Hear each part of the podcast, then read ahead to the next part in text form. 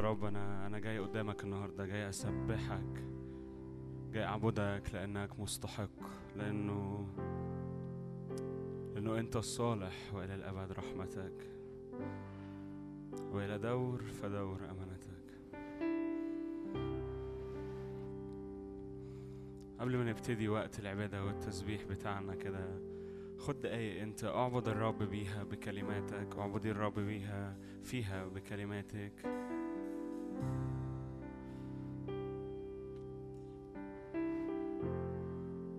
أشكر الرب كده وعظمه من أجل يده المرتفعة يده العظيمة يده القديرة.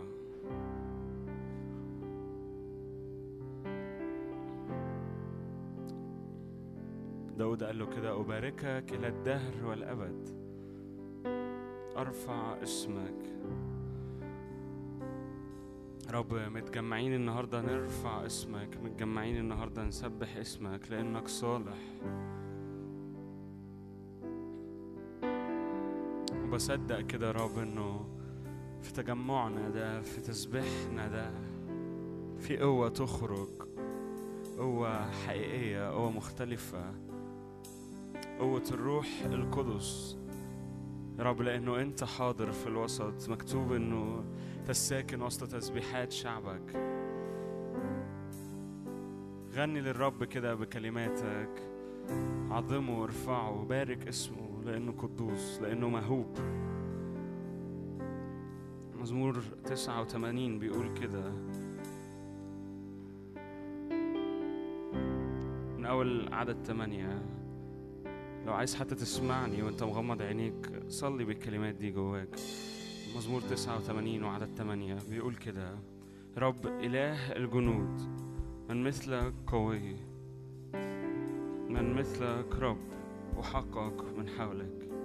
أنت متسلط على كبرياء البحر عند ارتفاع لججه. أنت تسكنها. أنت سحقت رهب مثل القتيل. بذراع قوتك بددت أعدائك. لك السماوات لك أيضا الأرض. المسكونة وملؤها أنت أسستهما. الشمال والجنوب أنت خلقتهما. طابور وحرمون باسمك يهتفان لك ذراع القدرة قوية يدك مرتفعة يمينك. العدل والحق قاعدة كرسيك الرحمة والأمانة تتقدمان أمام وجهك. بعد كده يقول طوبى للشعب العارفين الهتاف. هللويا يا رب بنور وجهك يسلكون. باسمك يبتهجون اليوم كله وبعدلك يرتفعون. لأنك أنت فخر قوتهم وبرضاك ينتصب قرننا. هللويا. طوبى للشعب العارفين الهتاف. طوبى للشعب العارفين الهتاف. رب بنور وجهك يسلكون باسمك يبتهجون اليوم كله وبعدلك يرتفعون. لأنك أنت فخر قوتهم وبرضاك ينتصب قرننا. قول يا رب أنا عايز أعبدك النهاردة بحرية. مش عايز أي حاجة تأيد عبادتي. مش عايز أي حاجة تأيد يا رب كلماتي. حتى لو داخل بخطية كده تعالى اغتسل. اغتسل بدم الحمل بدم يسوع من كل خطية من كل ضعف. قول يا رب أنا جاي بقف قدامك جاي بحط نفسي قدامك يا رب. جاي بتطهر من كل ضعف من كل خطية. هللويا. رب نعبدك بحرية نعبدك بطيبة القلب. هللويا. نفرح بالملك اللي في وسطينا. نعلي الهتاف أمامك يا رب. هللويا هللويا. نرفع اسمك نرفع اسمك لأنك صالح. إنك الإله الأمين حافظ العهد. هللويا هللويا. لو جاي حتى بهموم بمشاكل كده تعالى اطرح كل حاجة قدام الرب النهاردة. قول يا رب مش عايز حاجة تشغل بالي ولا تشغل عينيا غيرك أنت. عايز أبص على الملك. عايز أبص عليك أنت. عايز أبص على جمالك. عايز أغني بجبروتك. عايز أغني بصلاحك. مش عايز حاجة تاخد المشهد. غيرك انت. مش عايز حاجة تاخد عينيا غيرك انت.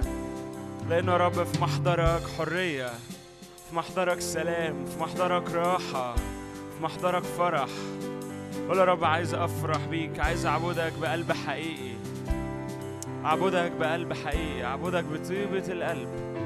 هللويا.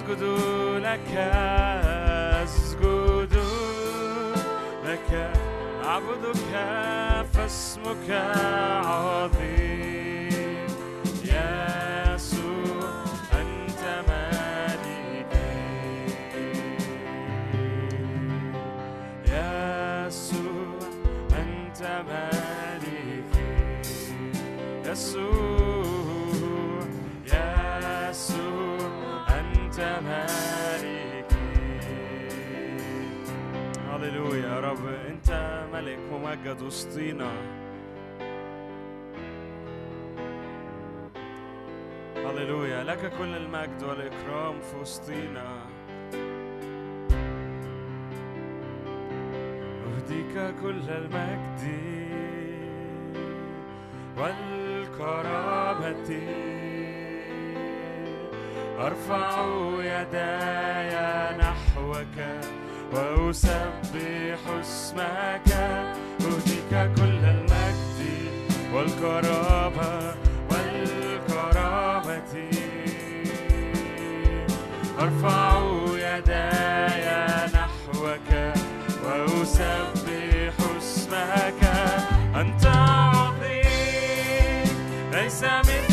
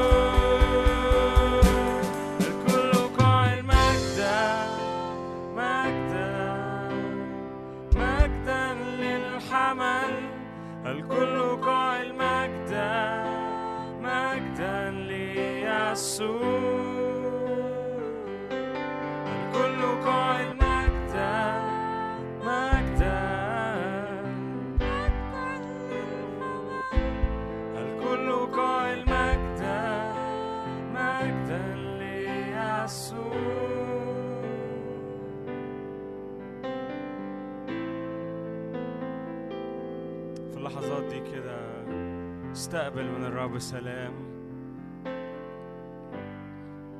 استقبل من الرب كلمات خاصة لحياتك وحياتك قول يا رب أغمرني أغمرني الآن بمياه الروح. أغمرني الآن بقوة الروح. كلمات يا رب من العرش. فنسبحك ونعبدك بحرية. لا قيود يا رب في العبادة. نباركك نبارك اسمك.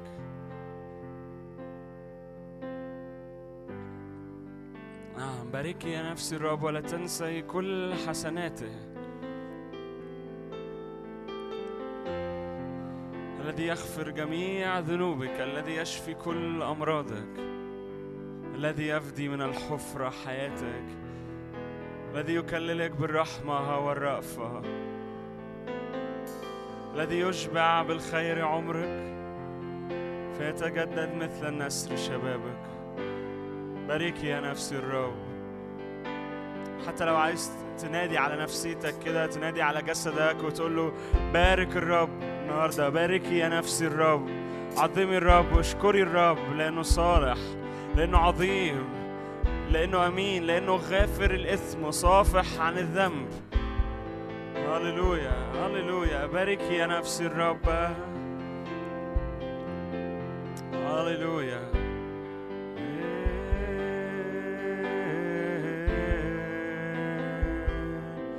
باركي يا نفسي الرب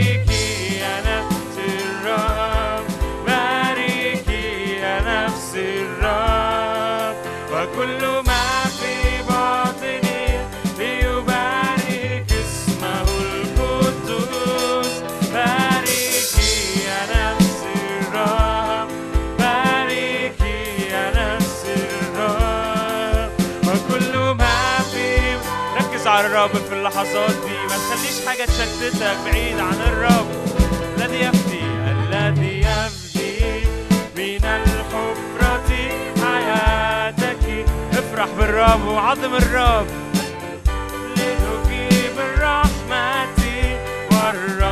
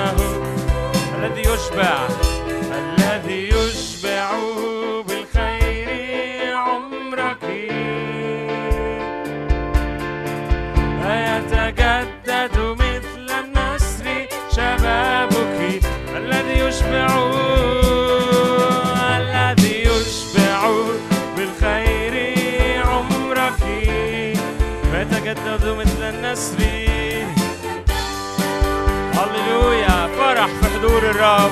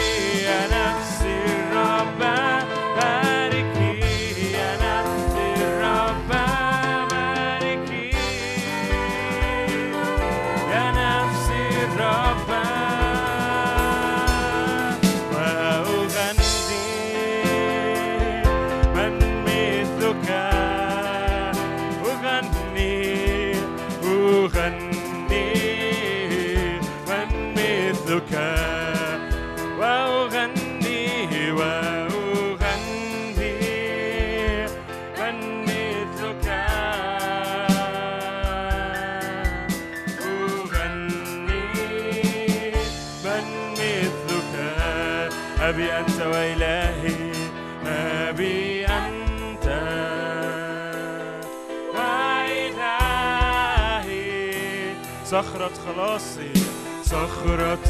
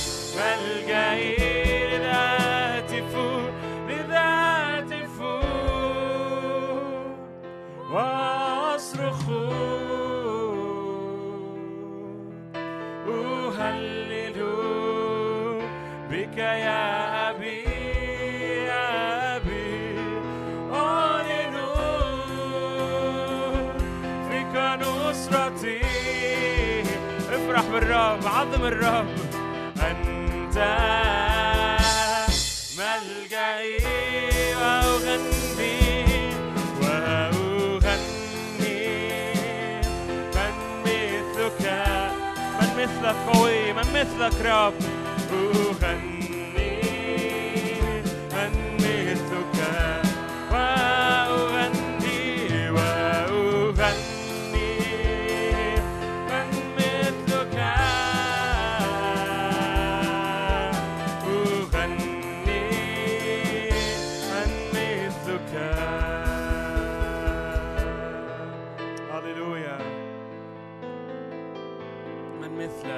مثلك.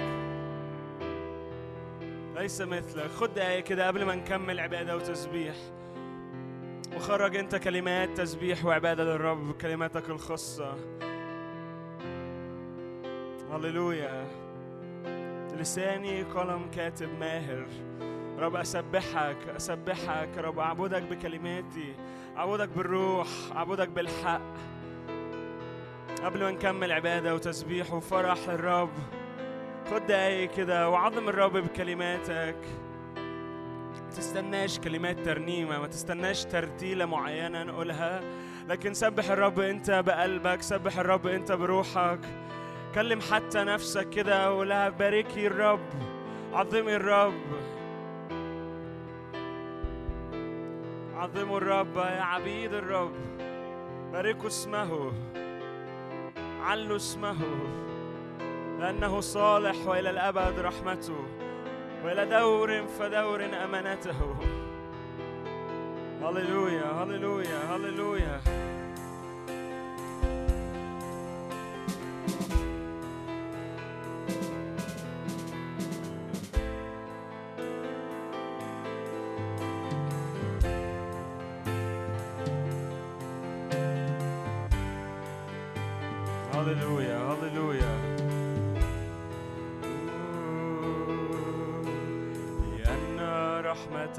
قد عظمت قد عظمت إلى السماوات وإلى الغمام حقك وإلى الغمام حقك لأن رحمتك قد عظمت.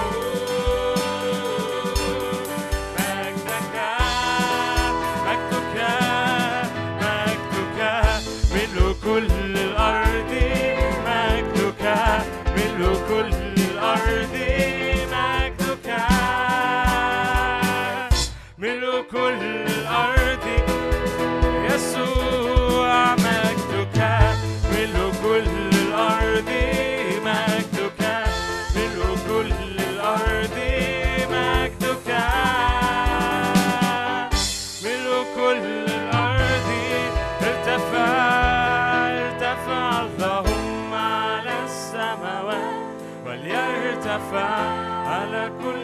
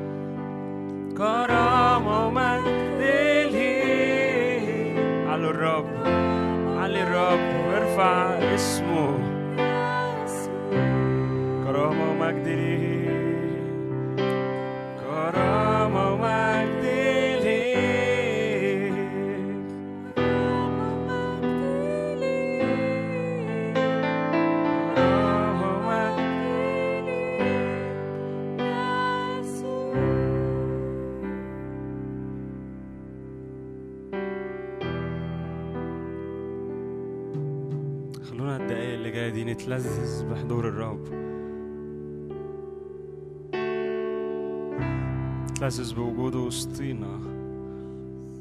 هو بيمر بين الصفوف الآن. قول يا رب عايز أتلذذ بيك عايز أتلذذ بحبك.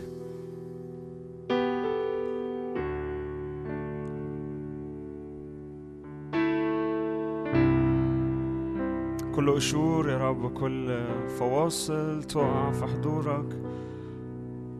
مفيش حاجة يا رب تفصلنا عن محبتك مفيش حاجة تفصلنا عن عن إن نسمع صوتك عن إن نستقبل كلمات المحبة.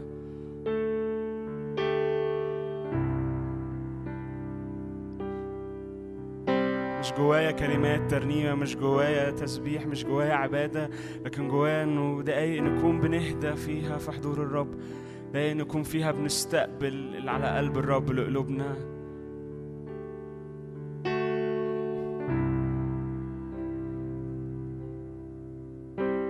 يا رب كلم نفسيتي كلم روحي.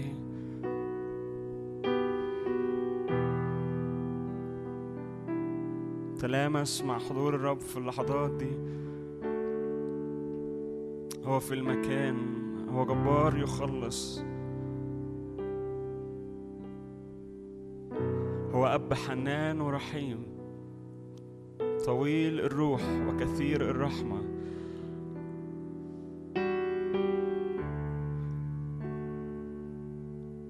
يصنع معنا حسب خطايانا ولم يجازنا حسب آثامنا.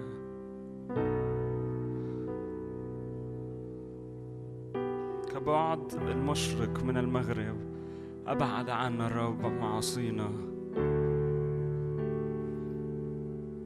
كما يتراءف الآب على البنين هكذا يتراءف الرب على خائفيه.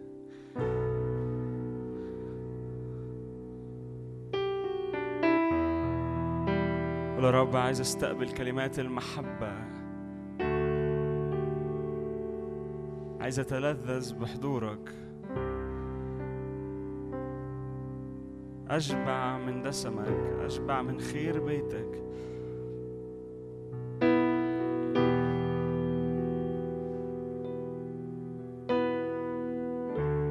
استيقظت وأنا بعد معك.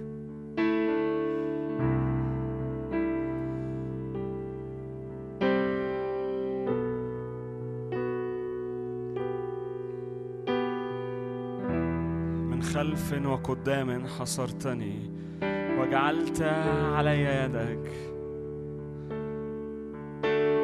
عجيبة هذه المعرفة فوقي ارتفعت لا أستطيعها.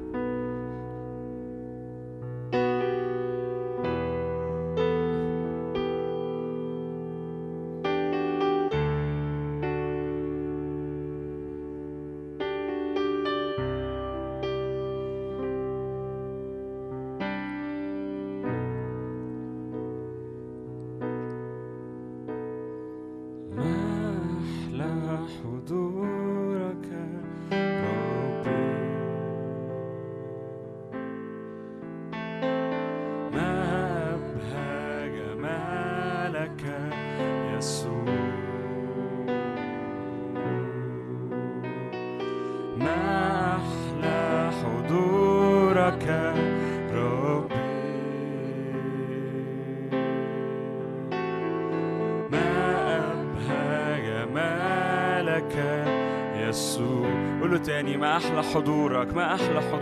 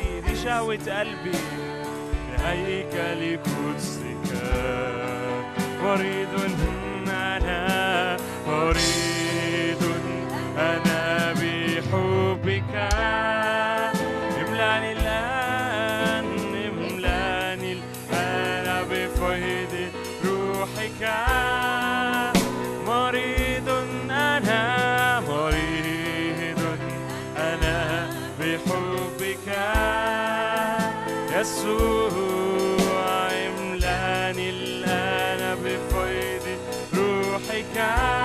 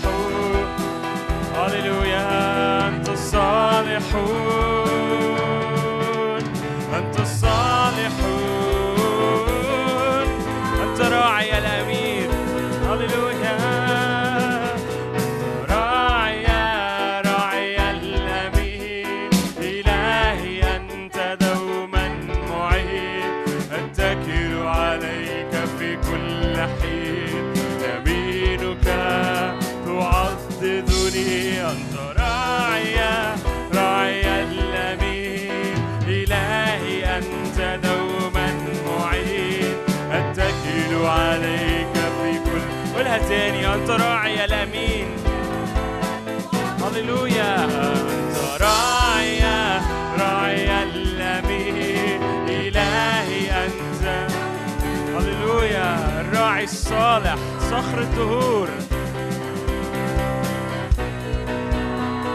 أنت صالح أنت صالح أنت صالح هللويا أنت صالح يسوع أنت صالح أنت صالح. نعم يا رب نسبحك نرفع اسمك. نفرح بالملك اللي في وسطينا. أنت الصالح يا يسوع. إله أمانة لا جور فيه. صادق وعادل شجعك لو قادر تقف. اعمل كده وسبح الرب بفرح. اعلن الرب الأمين في وسطينا. نفرح بالرب. إله امانه إله أمانة لا جور فيه صادق وعادل. أنت الصخر الكامل صانعه. أنت الرب الممجد. نفرح بك. نفرح بك يا إلهنا. نفتخر بك أنت عزنا. نفرح بك يا إلهنا. نفتخر بك. تضيء سراجي تضيء سراجي تنير ظلمتي. فلا تتقلقل قدماي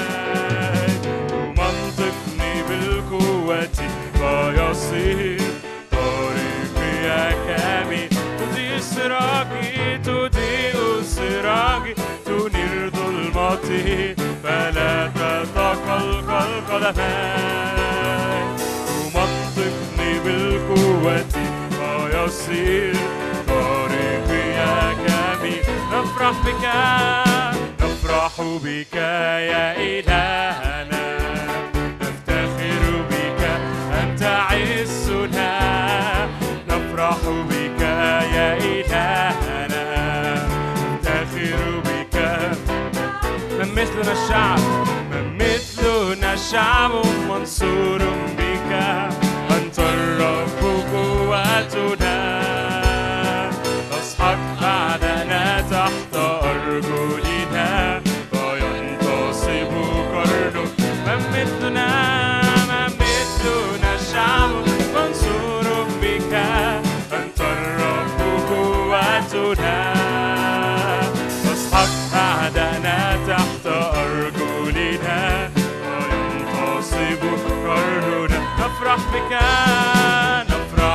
بك يا إلهنا نفتخر بك. نفرح بك يا إلهنا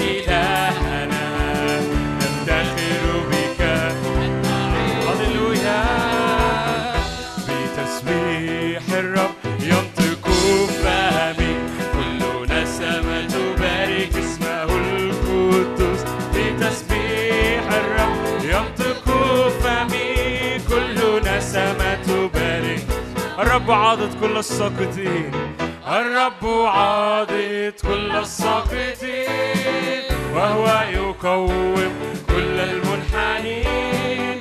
عيون الكل إياك تترجى أنت تعطي طعاما كل حين. الرب عاضد كل الساقطين وهو يقوم كل المنحنين. عيون الكل تترجى أنت تعطي طعاما كل حين. بتسبيح الرب ينطق فمي كل نسمة تبارك اسمه. القدوس بتسبيح الرب ينطق فمي كل نسمة. أب حنان ورحيم. أب حنان حنان ورحيم. طويل الروح. كثير الرحمة. هللويا. للكل رحمته على كل خائف.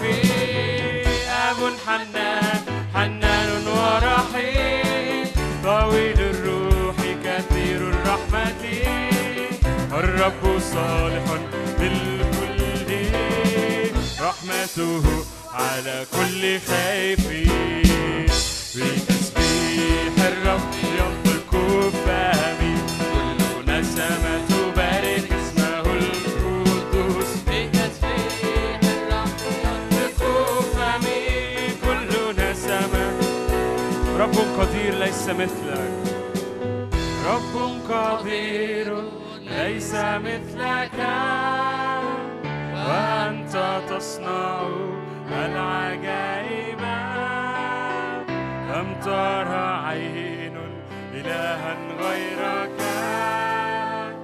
أنت عظيم عظيم وحدك. رب قدير ليس مثلك. وأنت تصنع العجائب.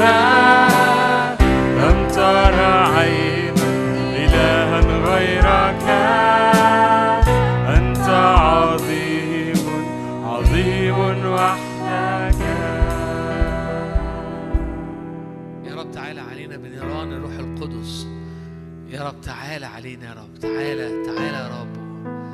قدسني. يا رب تعالى. مس جمرة يا رب جمرة يا رب شفتي يا رب قدس حياتي قدس يا رب عمري قدس يا رب أيامي قدس عينيا. يا رب تعالى يا رب عايز أكون شعلة يا رب ملتهبة. يا رب منتشرة من النار عايز أكون يا رب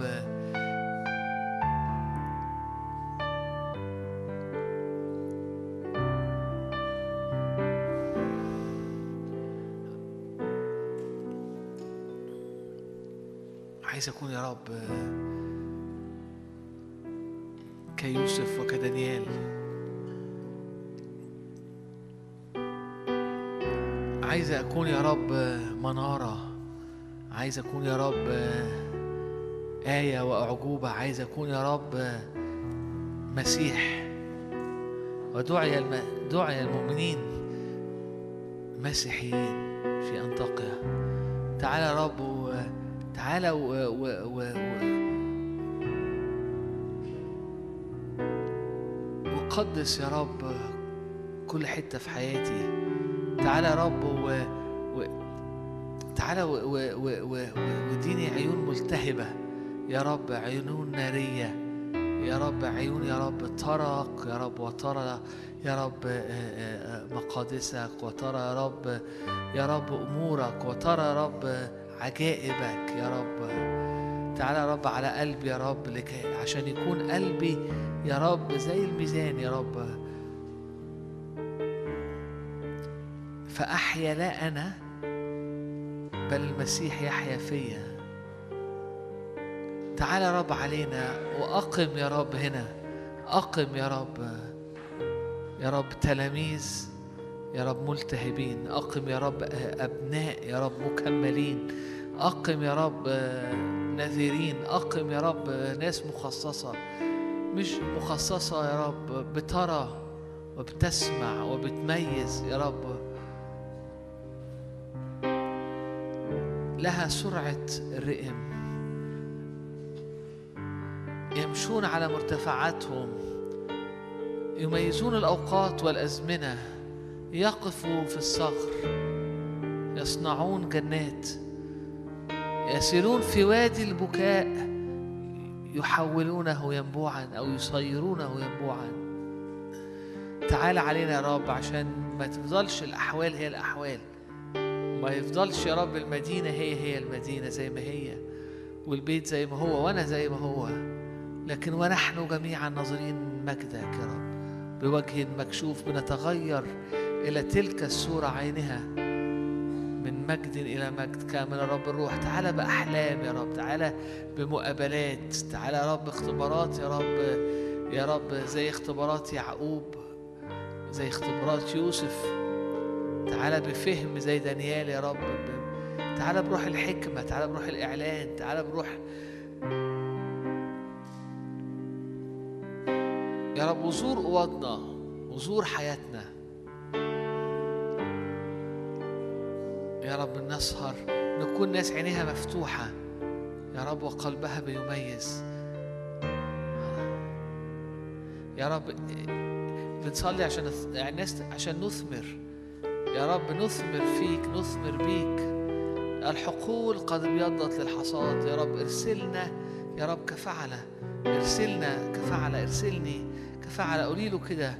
ارسلني يا رب. كلمني اهمس. في أذني يا رب يا رب لحاجات أنت عايز تاخدها لصلوات أصليها لناس أقابلها لأمور أتحرك فيها. ولا نحتقر يوم البدايات الصغيرة. يا رب تعالى على علينا يا رب عشان نكون ناس بالروح بنحيا. يا رب يا رب فبنغير أوقات وازمنه أو أنت بتغير بينا اوقات وازمنه ومصائر ناس كتيرة.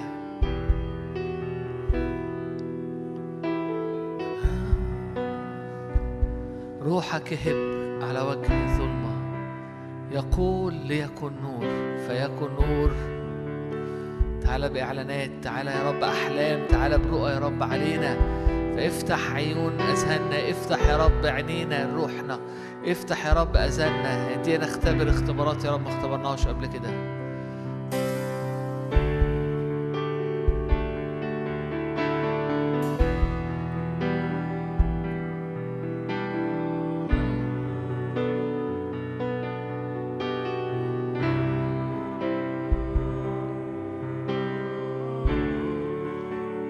نصعد ونمتلكها لأننا قادرون عليها. لأن الرب أعطانا الأرض. قال كده كالب وقال كده يشوع وناس تانية. شافت حاجات تانية؟ يا رب دينا الروح ده إنه نصعد ونمتلكها لأننا قادرين عليها.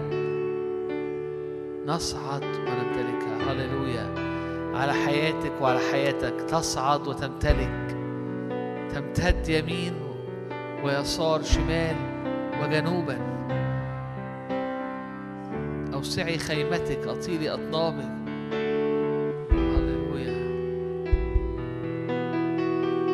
تنيرين ويخفق قلبك ويتسع ويقول من ولد لي كل هؤلاء؟ هللويا.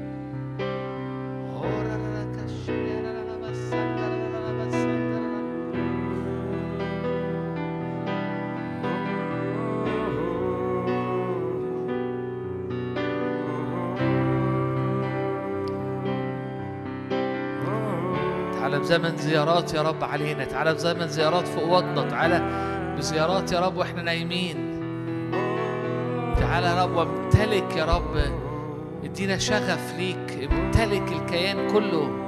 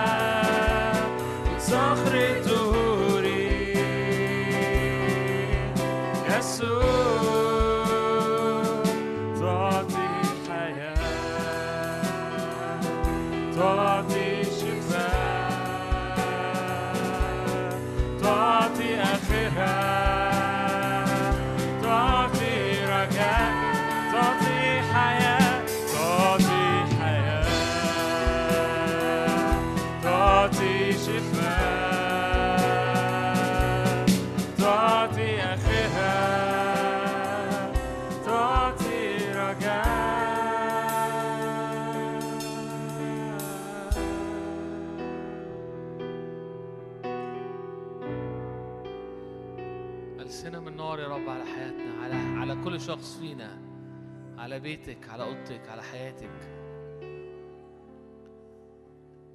تتأيدون بالقوة. متحل الروح القدس عليكم وتكونون لي شهود. في أضيق الدوائر وإلى أقصى الأرض. تجدد الرؤية يا رب تجدد الرؤية وتجدد يا رب الكلمات يا رب وتدي كلمات جديدة وتدي يا رب أحلام جديدة وتدي يا رب إعلانات جديدة.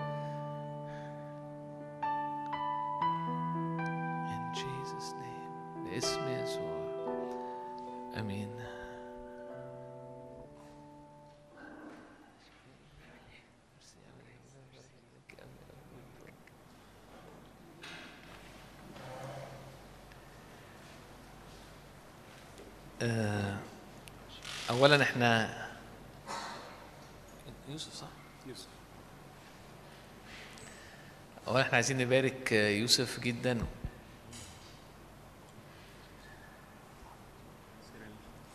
سيرال سيران عايزين نشكر ونبارك ونصلي بركة ليوسف وسيرال عشان جايين من القاهرة.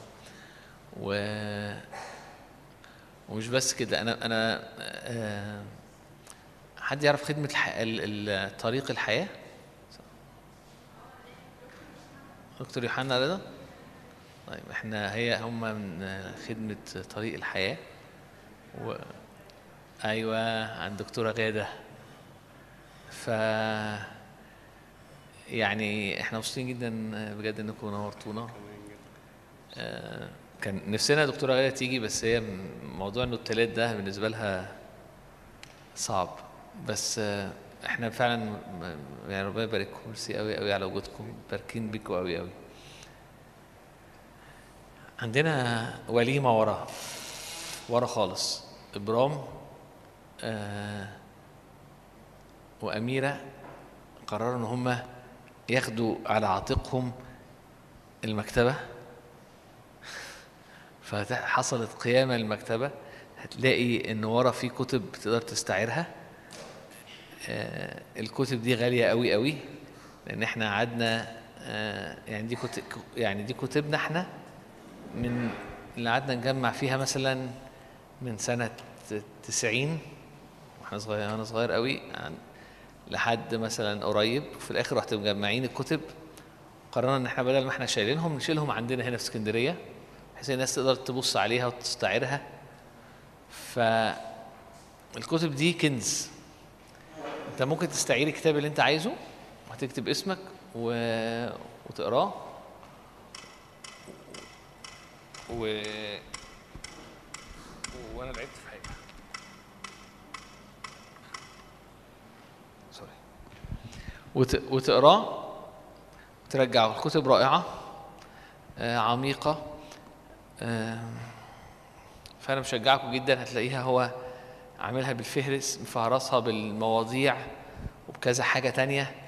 فأنت ممكن تقف مع برام واميره هيساعدوك قوي. عن كل كتاب نبذته وهكذا. ماشي؟ كتب عن الأطفال كتب عن الشفاء كتب عن الحرب الروحية كتب عن آه، الكفارة آه، كتب عن آه، الصيام كتب على الصلاة آه، كتب عن تأملات روحية كتب عن الحرب الروحية كتب دراسية خيمة الاجتماع يعني هتلاقي كل حاجة. Okay؟ Okay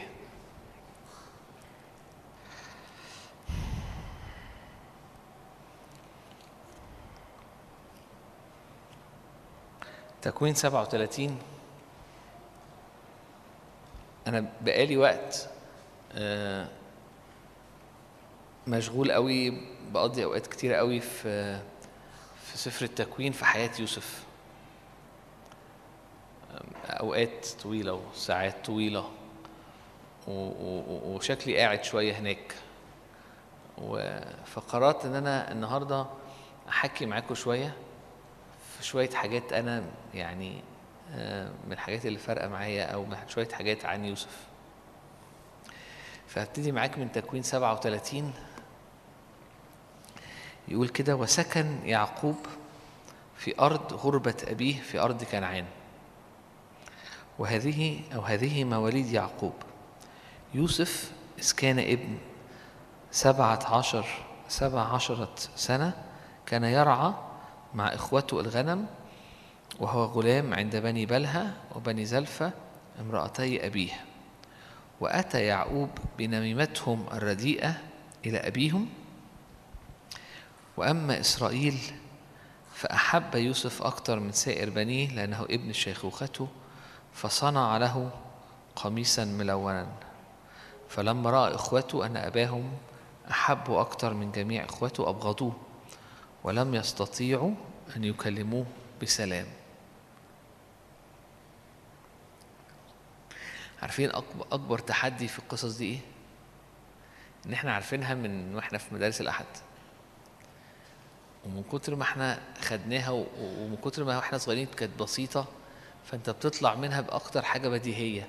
دي قصة عن واحد راجل كبير عنده ولاد كتيرة وده ابنه الصغير فاتولد فابتدى يدلعه فكان غلطان وإخواته غاروا منه ففي الآخر غلطوا عملوا حاجة غلط بس ربنا في الآخر سهل والدنيا ظبطت. والقصة كده تلاقي نفسك إيه؟ قصة اتسطحت قوي أو بقى شكلها قصة عادية. بس أنت هتفاجأ في إنه كل ما تخش في أعماق مع الرب إنه القصص اللي أنت فاكرها عادية هي فيها أعماق أنت مش فاهم فيها حاجة خالص ولا أنا فاهم فيها حاجة خالص. شيء غريب إنه إنه إنه يبتدي يقول لك إيه طبعا اللي حصل هنا إيه؟ إنه يعقوب رجع وبقى ساكن فين؟ في أرض غربة أبيه. يعني هو هو ساكن في المكان الصح. يعقوب راح حتت كتيرة واتنقل في أماكن كتيرة. هرب راح عند لبان وبعد كده رجع قعد في شكيم وقعد في حتت مختلفة. أخيرا هنا نلاقيه قاعد في مكان الصح. اخرج من أرضك ومن عشيرتك ومن بيت أبيك للأرض اللي أنا هوريها لك. فاكر لما الرب قال كده لإبرا- لإبراهيم أو إبرام؟ وبعد كده إسحاق ابنه قعد في الأرض دي. وبعد كده يعقوب ساب أعمال جسد مشي واضطر يهرب ويعيش في حياة مختلفة. في المحطة دي تلاقيه بيبتدي يقول لك إيه؟ إنه سكن يعقوب في أرض غربة أبيه. في أرض كنعان. هو في المكان الصح. مهم قوي الآية الأولانية المفتاحية لأنها بتديك المفتاح. دايما في يعني كأنه بي- دايما يقول لك المفتاح في الباب. يعني إيه؟ يعني دايما عند باب الإصحاح أو كتير عند بداية قصة أو بداية حدث أو بداية حاجة روح القدس عايز يتكلم عنها يدينا مفتاح. في رأيي ده مفتاح. لما أنا لما الكتاب لقيته بيقول إنه سكن يعقوب في أرض غربة أبيه في أرض كنعان الروح القدس أنا أنا أنا بقعد يعني ال- الإصحاح ده مثلا قعدت فيه كتير يعني الأيام اللي فاتت يعني أيام. وأروح اعمل حاجات وارجع يبقى عندي نص ساعة فاضي اقراه واصلي بيه وارجع. ف ف ف وأنا وأنا بقراه كده الروح القدس حاجة جوايا. ابتديت انه هو في المكان الصح. الروح القدس عايز يقول لك ان يعقوب في المكان الصح دلوقتي. هو في الحتة الصح في المكان الصح في ملء المشيئة. سكن يعقوب في أرض غربة أبيه في أرض كنعان. هذه مواليد يعقوب. طبيعي إنه يخش إيه يبتدي يتكلم من الابن البكر ويتكلم عن المواليد من البكر للصغير. لكن تلاقيه هنا بيبتدي إيه هذه مواليد يعقوب. يوسف إذ كان ابن سبعة عشر سنة كان يرعى مع إخوته الغنم وهو غلام عند بني بلهى وبني زلفة امرأتي أبيه. ليه ابتدى بيوسف؟ لأن يوسف هو ال هو ال كأنه البكر هنا. هو الم هو ال ال الشخصية المحورية. الكتاب بيقول لك إنه كان عنده 17 سنة وكان بيرعى الغنم مع إخواته مش ولاد. ليئة. لكن ولاد الجاريتين جارية ليئة وجارية رحيل.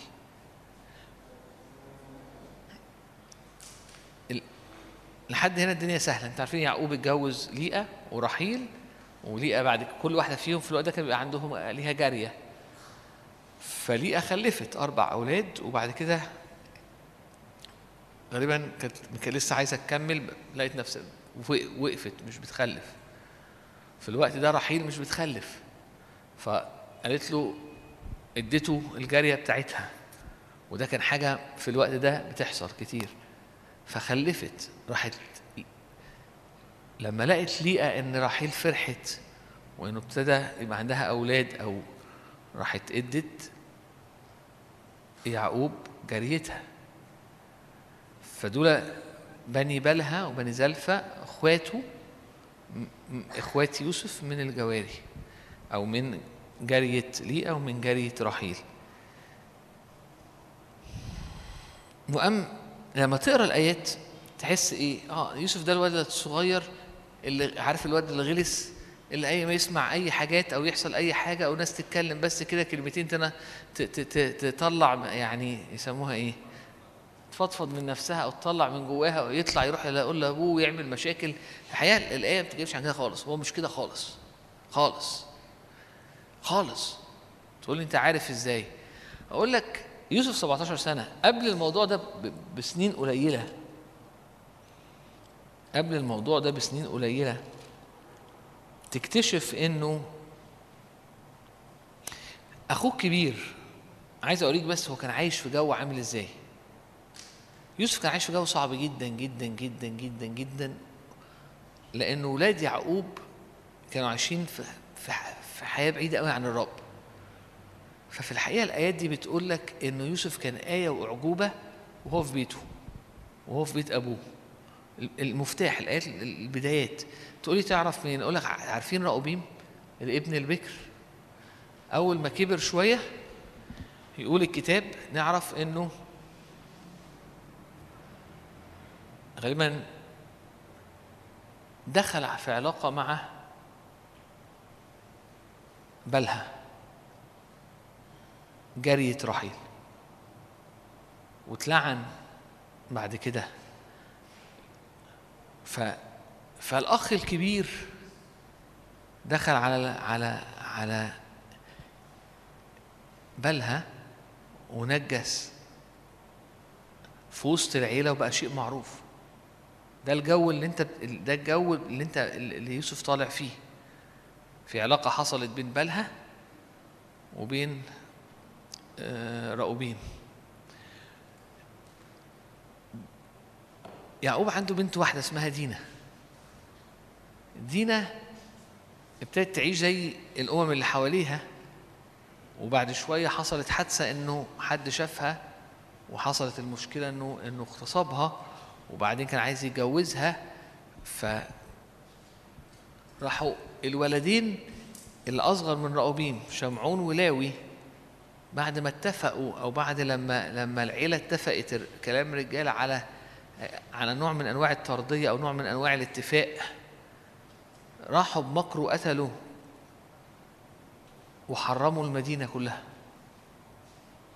واتلعنوا. ملعون غضبهم لأنه قال كده هو ملعون غضبهم لأنه شديد أو لأنه قاسي. لا تتحد معهم روحي. قال كده يعقوب عليهم وهو بيموت. فأنت عندك الابن الكبير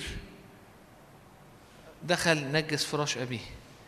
الولدين اللي بعد كده دخلوا قتلوا ناس أبرياء كتير لأنهم ما قتلوش بس الولد اللي زاد قتلوا المدينة كلها وخدوها. أنتوا عارفين إيه اللي حصل يومها؟ ابتدى يع- يع- يعقوب يصلي والرب كلمه قال له لم حاجاتك. فتخيل الموقف. العيلة دي كلها هو بال 12 ابن اللي معاه ببنته بمراتاته الثلاثة لأنه لأنه رحيل كانت ماتت. لموا حاجتهم ولموا دنيتهم وخرجوا بسرعة ملمين كل حاجة بكل الأغنام بكل اللي ليهم وخرجوا من شكيم ماشيين ومضطرين يع- يعزلوا يروحوا بعيد جدا. وخايفين في أي وقت ال ال الشعوب اللي حواليهم اللي حوالين شكيم ينزلوا عليهم ويضربوهم ويحرموهم ويقتلوهم. فدي كانت قصة الهروب. قصة محدش هينساها فيهم. دي الحياة اللي اتولد فيها أو دي الأجواء اللي عاش فيها يوسف. دول ثلاثة إخوات الكبار. يعني طبعا يهوذا ليه قصص. هنشوفها بعد شوية. وعياله أشرار و... دي الأجواء اللي عاش فيها. ففي الحقيقة الكتاب مش بيتكلم عن كده. الكتاب بيتكلم عن شخص بار جدا جدا جدا. جدا بيتحمل مسؤولية بيشتغل في حاجة بيشتغل آه، آه، مع في غنم آه، أبوه ومليان وداعة ومليان قداسة. ولأنهم بيقولوا إنه غالبا كان هو المسؤول عن الغنم في الوقت ده مع مع ولاد بالها وولاد لي وولاد زلفة. فكان الكتاب بيحاول يشرح إنه كان دايما بيدي تقرير صح لأبوه على اللي بيحصل. محدش عارف يختلس كام غنمة محدش عارف يعمل. كان دايما مليان قداسة مليان بر مليان وكان معروف. فاللي حاصل مش إن ولد غلس في وسط عيلة يعني معقولة لا. في وسط أجواء شريرة جدا جدا جدا مليانة في في نجاسة. في غضب في حاجات كتيرة قوي يوسف مختلف. ومش بس مختلف وباين إنه مختلف. وعايش بمنتهى القداسة. وفي علاقة بينه وبين أبوه. هي دي أجواء يوسف. إيه اللي إيه اللي القصة دي تقوله لي أنا شادي؟ ايا كانت البيئة ايا كانت النشأة ايا كانت الدنيا وخصوصا في البيت. وخصوصا في في في في جو عيلة وخصوصا في جو شغل خصوصا في جو مثلا إحنا عايشين في الزمن ده. ينفع أنت تكون يوسف؟ ينفع ينفع يكون في يوسف عايش بمنتهى القداسة بمنتهى الإيمان بمنتهى ال ال ال ال ال ال البر. بس ده لما نمشي شوية هنكتشف إنه ما كانش بحاجات طبيعية. يعني يوسف ما كانش واد متربي. كانش واحد بس بيخاف ربنا كده يوسف كان وتعرف ده من البركات في الآخر كان منفتح على السماء بركات السماء وبركات الأرض الرابط من تحت. يوسف كان كان كان شخص إنجاز التعبير اللي رباه هو الروح القدس وهوريك. هوريك إحنا يمكن المرة الجاية كمان نتكلم عن عن يوسف اللي رباه الروح القدس. امه ماتت بدري فمين اللي هيقعد مع مين؟ لأن امه ماتت وهو صغير. هيقعد مع جا- الجارية بتاعتها. فهو الحقيقة اللي اللي المفروض إنه كان معاها أكتر وقت غالبا كانت بالها. اللي هي غلط معاها. رأوبيم لكن هو كان مختلف. بص بعد كده يقول لك إيه؟ أما إسرائيل فأحب يوسف أكتر من سائر بنيه لأنه ابن شيخوخته. فصنع له قميصا ملونا. في حاجة هنا غريبة ح- في الآية مفتاحية المفروض تاخد بالك منها. إيه غريب في الآية دي؟ في حاجة أنت شايفها غريبة في الآية؟ وأنا هديك فرصة إن لو حد شايف يقول يعني مفيش مشكلة. في حاجة في الآية دي غريبة شوية؟ حد ملاحظ حاجة في الآية دي؟ ملاحظه أي حاجة؟ مش سامع. قال إسرائيل ما قالش يعقوب. يعني هو من أيتين فاتوا بيقول وسكن يعقوب أرض كذا كذا كذا. بعديها بأي و... أما إسرائيل فأحب يوسف أكتر من سائر بني إسرائيل. ده اسم اسم اسم التغيير اللي حصل ليعقوب. أمير مع الله. أما يعقوب الروحي اما إسرائيل اما الأمير مع الله. فهنا هو بيقول لك بقى ده ينسف فكرة إنه راجل كبير وجاب ولد متأخر وبقيت عياله كبروا فحب الصغير عشان مشاعره هو مش كده خالص. هو هو هو المشاعر والقرب واللي كان حاصل كان حاجة فيها في تمييز روحي حاصل وراها. يعني قارن ده بعيسو ب- ب- بإسحاق. أبوه يعقوب كان بيفضل حد عن حد سنة بسبب حاجات بشرية. يعقوب هنا ما كانش كده. في الحقيقة إسرائيل لما اتغير لما الرب في محنايم لما حصل مقابلة بينه وبين الرب كان لسه يوسف صغير. في رايي إنه إنه حصل حاجة لما اتغير يعقوب لإسرائيل وابتدى يشوف ويعيش بطريقة مختلفة. في الوقت ده فاكرين لما لما أهل موسى شافوه الصبي جميل في عينين الرب. في الوقت ده ابتدى إسرائيل يشوف يوسف بصورة مختلفة وابتدى يحب يوسف بطريقة مختلفة. في الحقيقة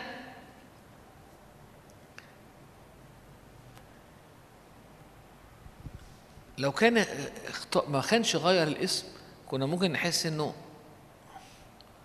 لكن الروح القدس بيهتم قوي في الحاجات لما تلاقي حاجات كده زي انه مثلا كاتب يعقوب فوق وبعديها على طول كاتب إسرائيل في حتة زي دي فهو روح قدس عايز يقول لك إنه ما كانش حاجة بيحركها مشاعر بشرية. هو أحب يوسف لأنه يوسف كان عليه نعمة. لأن يوسف كان كان كان عليه آه، آه، آه، قداسة. لأن يوسف كان مليان بر. فهو أحب الرب اللي في يوسف. آه، عارفين زي زي إسماعيل وإسحاق؟ كان في اختلاف بينهم. إسحاق كان مختلف. يوسف كان مختلف. ويعقوب أو إسرائيل شاف ده. بتقولي بس الكتاب بيقول إنه ابن شيخوخته آه في الحقيقة آه. إنه إنه في رأيي إنه آه. لما كبر يعقوب عاش سنين طويلة قوي كيعقوب. في وقت ما في حياته رب خلع. حقوق وتحول إلى إسرائيل. وكان ده في سن كبير. في رأيي إن من وقتها هو اتغير. وعلاقته بولاده اتغيرت. لكن غالبا في عيال ولاد كتير قوي من ولاده ما اتغيروش أو كانوا لسه فيه. لكنه شاف حاجة مختلفة في يوسف. وأحبه. ال- يقول الكتاب إنه صنع قميص ليوسف. طبعا القميص ده قميص مش ملون. في الحقيقة لما تدرس هو قميص آه هو حاجة بيضة قوي. وعليها شريط ملون في الآخر. ودي كان ده كان لبس مشهور بيلبسوه الناس اللي هي لو حد ليه مكانة في العيلة حد ليه مكانة قوية حد ليه بوزيشن حد مكرم قوي. فيوسف لأنه رأوبيم فقد النعمة اللي عليه اللي هو بكر. بكر بتاع بتاع بتاع يعقوب من ليئة. يوسف بكر رحيل. أصبح بسبب النعمة اللي عليه أصبح هو الشخص اللي بيدير شؤون ال- العيلة. تقولي تعرف ده منين؟ أقول لك لما تدرس عن القمصان الملونة تعرف إنه كانوا بيديه للناس اللي ليهم مكانة. فالقميص ده كان بيقول إن هو عليه نعمة وليه وليه مسؤولية عليه نعمة عنده نعمة ولأنه عنده نعمة فهو واخد مكان في العيلة إنه يعمل حاجات معينة ف- فاهمين قصدي؟ ليه بقول لك كده؟ لأن هو حتى لما إخواته خلعوا عنه الرداء ده هو فضل الرداء على يوسف بصورة روحية لأنه أينما راح نجح. الرداء إحنا بنقرا القصة آه وعمل له يا ريته ما كان جاب له القميص ده ولا الم- ولا بتاع الملون كانت الدنيا العيله ما كانتش اتكسرت وكانت الدنيا لا هو الدنيا مش كده. أنا رأيي إنه أو اللي أنا شايفه من الآيات أو في وفي ناس كتيرة مفسرين رأيهم كده إنه إنه إنه انه يعقوب أو اسرائيل ما تصرفش بحماقة. فاكرين في اخر اخر خالص حياته لما جاب له لما لما يوسف جاب له ولاده إفرايم ومنسى راح هن- هندرس ده هنبص على ده مع بعض. المرات الجاية راح عامل مصلي لهم بس بس حاطط ايده بالعكس أو crossing ايديه. وراح يعني ايده اليمين راح حطها ناحية الشمال. على الابن الكبير وإيده الشمال حطها على اليمين ده معناه إنه اليمين هيبقى إنه الابن الصغير هو اللي هياخد بركات أكبر. فيوسف قال له لا لا يا- أبي مش كده ده الأكبر. فقال له أنا أعلم يا ابني أنا عارف. لكن في الحقيقة من الرب الولد ده هيحصل كذا كذا. ابتدى يتكلم عن نبوات على اللي هيحصل في المستقبل إن هو شايفها. حاجات كتيرة قوي قوي في قصة بنقراها عن إسرائيل ويوسف مرتبطة بقصة يعقوب أو مرتبطة بقصة إسحاق مع يعقوب. فاكرين إسحاق هو بيصلي عشان يبارك عياله مش شايفهم فيعقوب حاطط آه، آه، شعر عشان يبقى شكله وريحة كأنه عيسو وهو مش دريان. هنا الراجل ده شيخ لكن. لكنه لكنه مليان بصيرة. ففي الأول وهو شيخ حب يوسف اللي هو على حياته نعمة وشاف التكليف اللي من الرب فألبسه القميص واداله سلطان وفضل السلطان وفضل النعمة دي على حياة يوسف طول طول العمر. وحتى في نهاية حياته لما يوسف جاب له ولاده الاثنين وهو ما كانش بيشوف كويس حط إيده بطريقة فيها بصيرة لأنه كان شايف اللي هيحصل له فاللي عايز اقوله إيه من القصة هنا هوت أو إيه الحاجة اللي ربنا كلمني بيها اللي كنت عايز اشاركها معاك في درس الكتاب الصغير ده النهارده؟ انه يعقوب في أرض غربته يعقوب واقف في المكان الصح. ولأنه واقف في المكان الصح الكتاب بيقول إنه قدر يميز إنه إنه إنه يوسف مليان نعمة.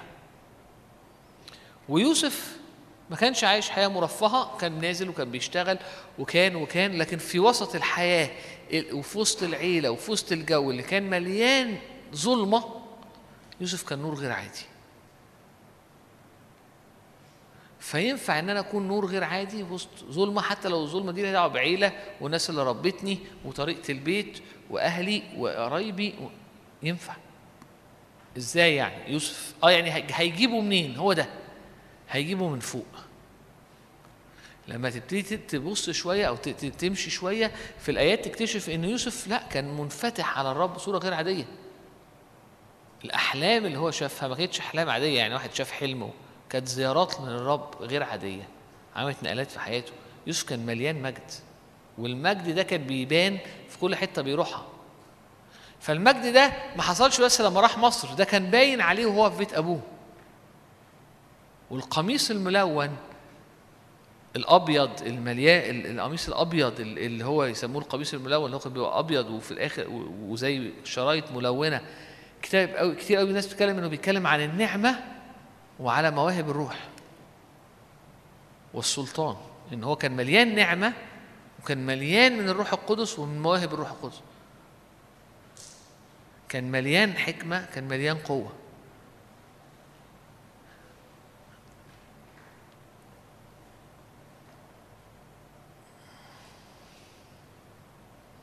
فلما رأى إخوته أن أباهم أحبوا أكثر من جميع إخوته أبغضوه لم يستطيعوا أن يكلموه بسلام.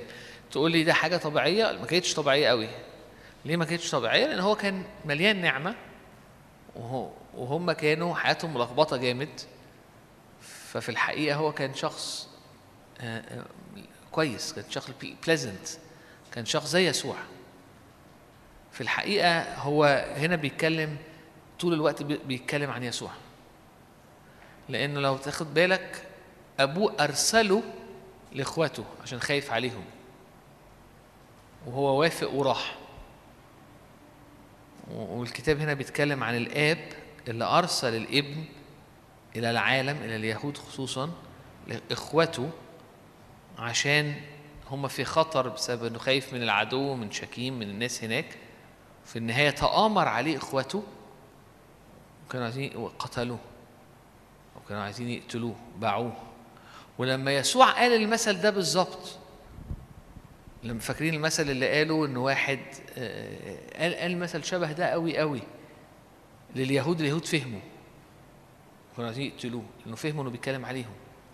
ففي الحقيقة كتير قوي من اللي أنت هتقراه عن يوسف هو مراية ليسوع. الآب أحبه لأنه مملوء نعمة ومملوء حق. إنه مليان مجد. فارسله فمسحه وارسله وإخواته مليانين خطية غاروا منه فقتلوه. ولكن في النهاية رغم إنهم رغم إنه هو اتباع ورغم إنه يسوع مات لكن أصبح هو النجاة لإخواته برضه وأصبح هو النجاة للعيلة.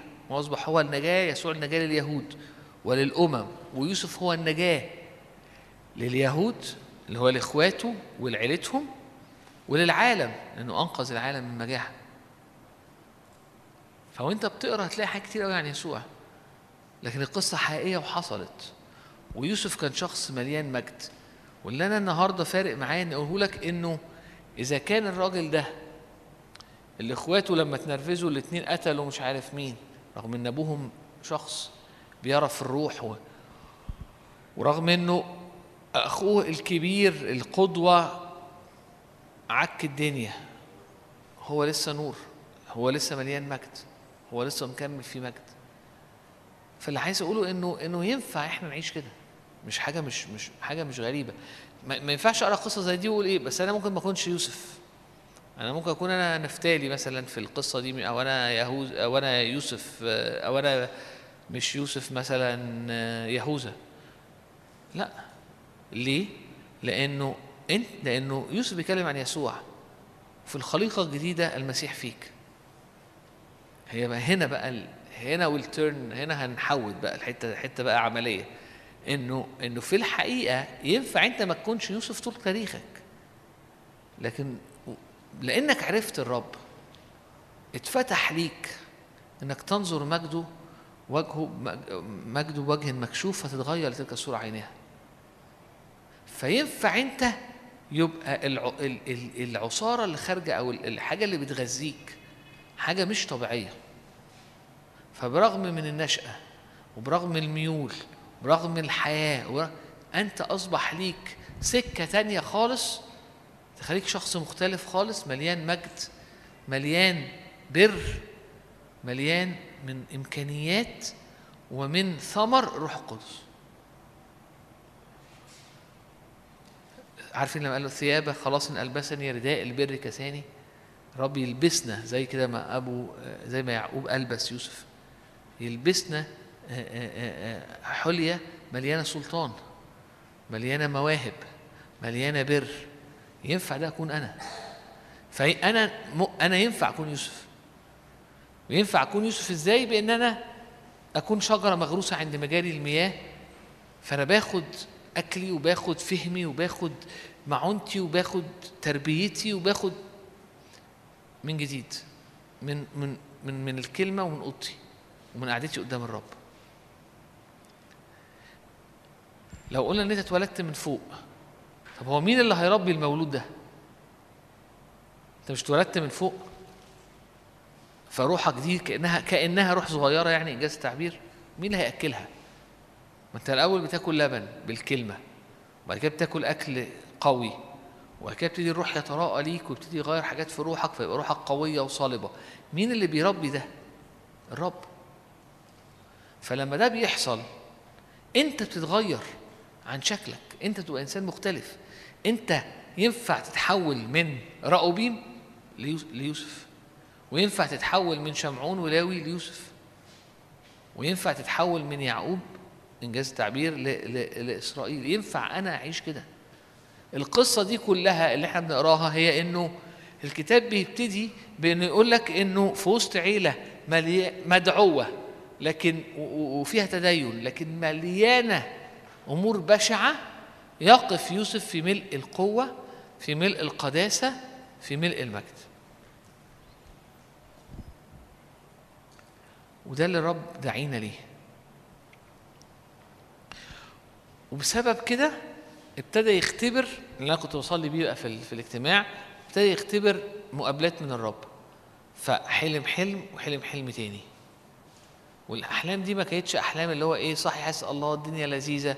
هي في الحقيقة اختبارات من حضور ومجد وحاجة ملائكية واخواته فهموا ده. يعني ساعات بنقرأ آه حلم فهم اتغاظوا منه إنه حلم. لا هم عرفوا إن الحلم ده ده حاجة مقابلة من الله. وأبوه فهم. والحلم اللي بعديه برضه. عشان كده لما جم يقتلوه قالوا إيه؟ آه اهو صاحب الأحلام جاي. صاحب الأحلام جاي. خلينا بقى نقتله ويورينا أحلامه دي هتتحقق إزاي. لأن هم فهموا إن هو هياخد مكان معين هيتسلط تسلط معين وهم كانوا مليانين شر فمش قادرين يقبلوا بده. في حياة يوسف أنا شخصيا واقف بقالي أسابيع وغالبا هقف أسابيع تانية لأني شايف في يوسف حد اتربى مش في بيئة مثلا كويسة ولا ظروفه كانت مريحة واتعمل فيه كل حاجة ينفع تخليك شخص أو تخليه شخص مليان ظلام مليان بغضة ومليان تعب ولكنه كان عكس كده تماما. فبالنسبة لي أنا قاعد قدام الآيات قاعد قدام الشخصية عشان بقول يا رب عايز أقابل. عايز أقابلك في الكلمة وقابل مفاتيح يوسف عشان أنا أعيش العيشة دي لأنه في النهاية في الحقيقة اللي يوسف بيوصلني ليه إنه المشكلة مش في الظروف المشكلة التحدي فيا عارفين الآيات اللي كانت بتتكلم إنه يوسف غصن شجرة مثمرة غصن شجرة مثمرة على عين أغصان ارتفعت فوق حائط. المشكلة مش في الحيطة. المشكلة إن أغصاننا مش عارفة تتحرك مش عارفة تترفع فوق أي حيطان بتحصل. فإحنا طول الوقت بنبقى مركزين عن في حيطة هنا في سلمة هنا في تحدي هنا. ولأنه لأنه بيتعبنا. لكن لكن في الحقيقة هي طبيعتي لازم تكون إني مليان مجد. أغصاني بترتفع بسهولة فوق الحائط. فأنا بعدي فوق أي حاجة. وده كان سر يوسف. وده كان سر يوسف. ف فكتير قوي. أنا ممكن تيجي تسألني تقول لي يا شادي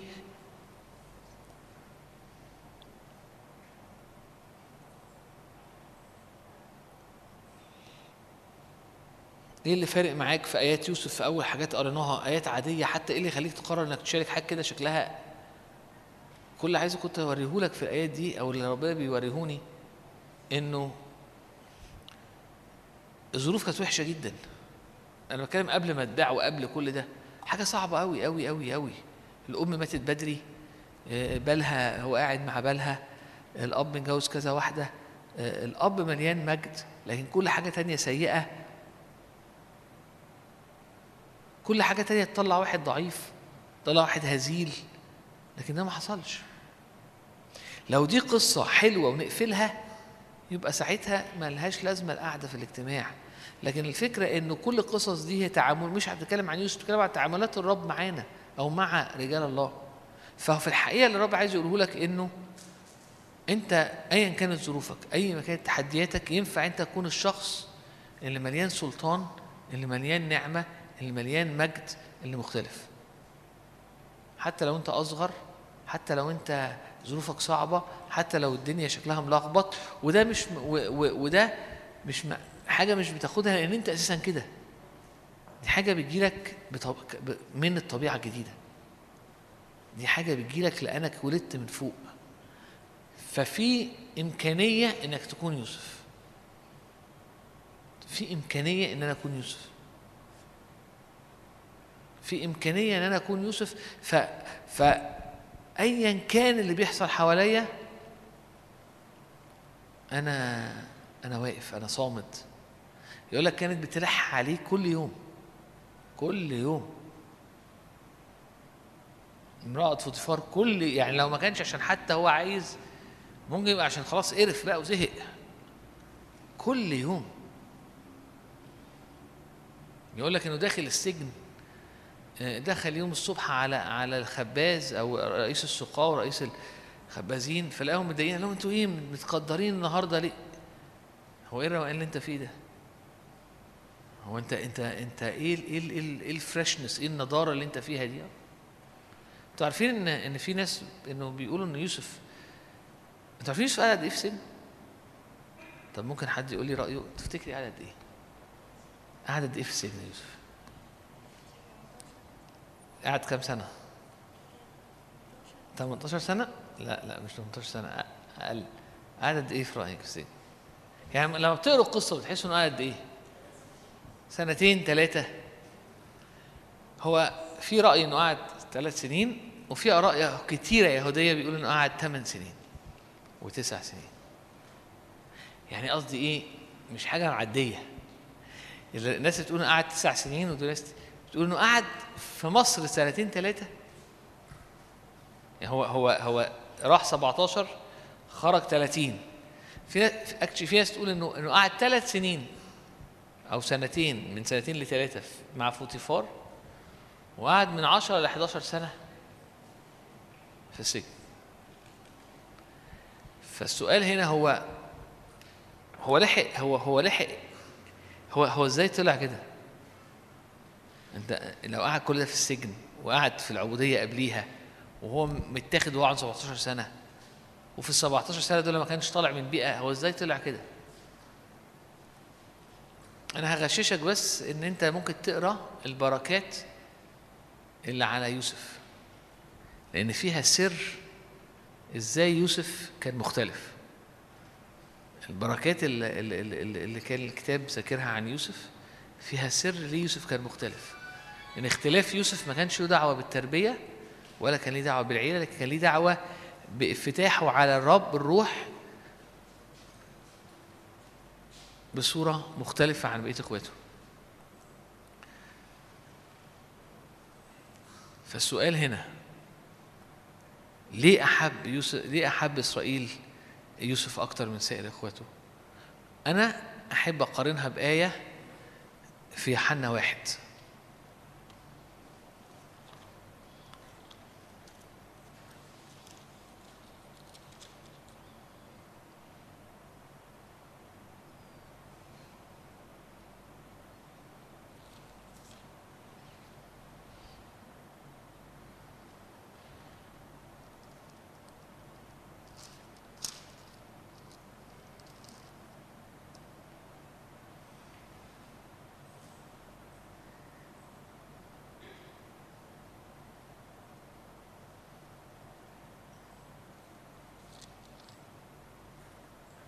إنه كان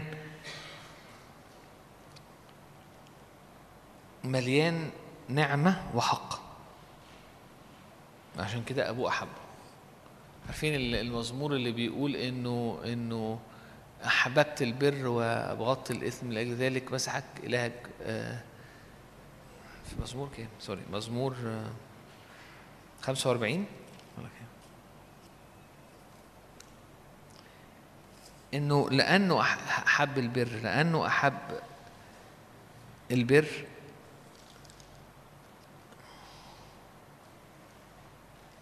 أنت أبرع جمال من بني البشر انسكبت النعم على شفتيك لذلك باركك الله إلى الأبد.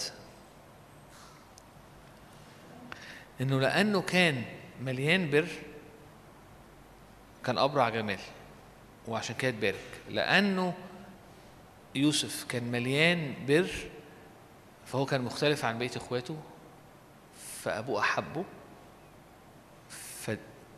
فأعطي ال- ال- الرداء أو ال- الملون أو الثوب الملون اللي مليان سلطان اللي مليان قوة. وأول حاجة إخواته عملوها أنهم قطع شالوا الرداء وعصوه بالدم. لما تدرس الكتاب أو يعني في رأيي إنه كنت بتكلم مع حد من أسبوع كده بنحكي يعني بنحكي عن يوسف برضو فقال لي أنا متهيألي إنه من يوم ما اتحط عليه الرداء ده هو عمره ما اتشال. حتى بعد ما هم شالوا الرداء هو عمره ما اتشال من عليه. هو في عينيه فضل لابس الرداء. وهو كتير بقعد أفكر وهو في ال- في النازل مع الإسماعيليين في في القفلة دي أو القافله وهو نازل مصر. كان إيه إيه إيه اللي كان داير في باله؟ إيه اللي حصل؟ هل الرب قابله؟ هل كان في مقابلة قوية؟ تقول لي إيه اللي يخليك تفكر؟ يعني الكتاب ما بيقولش. لأنه أول ما نزل مصر نجح. مفيش حد ينزل بمرارة بكل اللي حصل دي بمرارة دي ويعرف ينجح. هو كان لازم يفشل هناك وي وي- ويعني لكنه نجح بسرعة. يا ده أكيد ربنا كان بيحبه قوي لا أكيد هو كان شاطر قوي إنه هو في ال... وهو في ال... في ال... وهو بيتباع كان عارف إزاي يرفع قلبه ويقابل الرب. والرب لما هو طلبه لما هو رفع قلبه لأنه عارف الرب الرب قابله. فحصل اختلاف كتير. الرب عايز يقابلنا بسرعة. في أوقات مشاكل في أوقات محن بسرعة. إحنا دماغنا وعينينا على نفسنا وعلى اللي حصل وعلى الدنيا فمش عارفين نقابله. لكن أنا إن يوسف كان عارف قوي يبص على الرب فالرب قابله وقابله بسرعة. فكان البيع وال... والخيانة كأنه كأنه ملوش تأثير عليه. بشوف ده في يسوع لما كان في صراع حصل في جثيماني وهناك الرب قابله وهناك جاءت ملائكة لتعضده فقدر يواجه الصليب بسهولة وانتصر بعد كده. فبشوف وهو نازل مصر بشوف كأنه في جثيمان حصل صراع حصل تعب بس قدام الرب حصل مقابلة حصل سهر. عارفين التلاميذ قعدوا نايمين مش قادرين يواجهوا ده ويسوع مكمل صحي. عارفين كتير إحنا بنقول إيه؟ بص مش قادر اصلي. أنا تعبان مخنوق جدا مش قادر اصلي. هو ده الوقت اللي بيفرق انك انت مخنوق جدا وعارف تصلي. هي هنا القصة. أنا بص لا الموضوع أنا بقالي أسبوعين الدنيا فانا مش قادر معلش. أنا عايز الرب يتدخل من امين. بس يعني هي مش كده. مش عشان حاجة عشان انت مش هي الدنيا مش كده. عشان يسوع ما علمناش كده. يسوع ما اتحركش بالطريقة دي. في رأي إن يوسف اتحرك. عشان كده رايي إن يوسف اتحرك في في في القفلة أو كده إنه إنه إنه قلبه كان في حتة تانية وحصل مقابلة. فعرف ينزل مصر ويتعرض وسط العبيد التانيين ويشترى وينجح ويكبر ويستقر وبعد كده يترمي في السجن تاني. وينجح ويستقر ويبقى محبوب في رأيي إنه من يوم ما يعقوب أو إسرائيل أحبه وحط عليه أو أو ألبسه ال-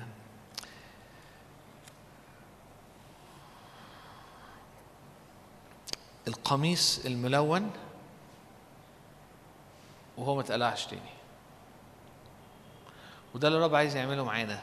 الرب عايز يلبسنا أو الرب في الصليب في في المسيح ألبسنا رداء بر ألبسنا رداء ملوكي. مليان ب يعني بلبس مزخرف فيه سلطان فيه م- فيه قوة فيه بر فيه مواهب الروح. الرب عايز يحطه عليك عايزك تعيش بيه وعايز تكمل بيه ايا كانت الظروف. ما بيتقلعش.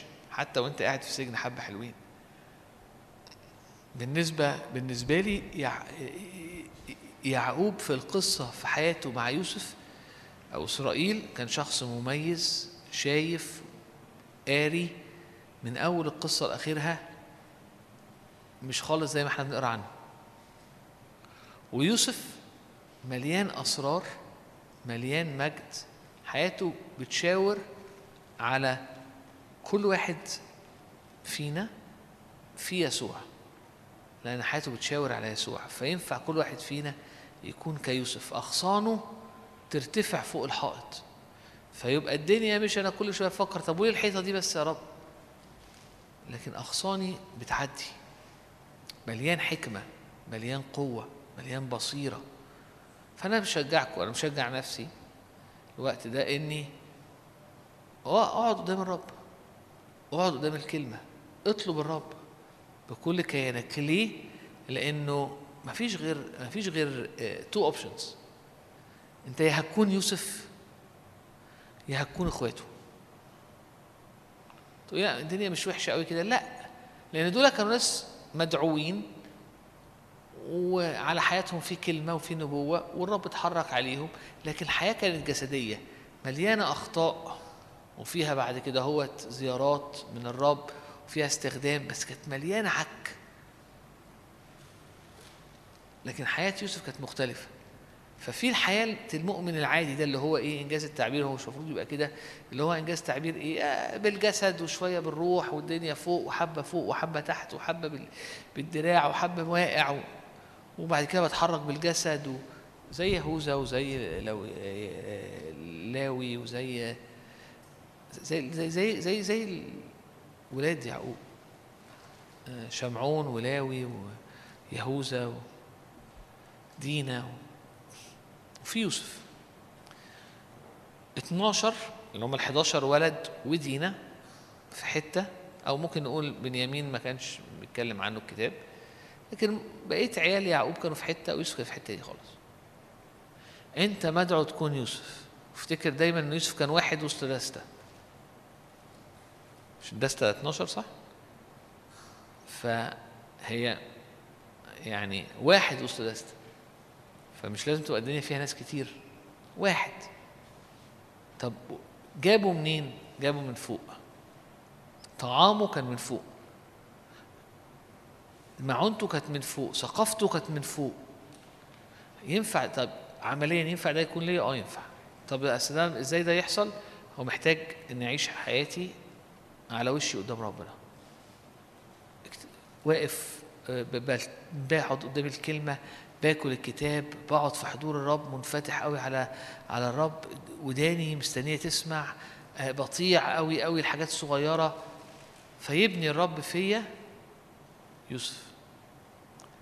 طيب أنا خلصت بس ممكن أقول لك حاجة لذيذة. آه حاجة حاجة مختلفة.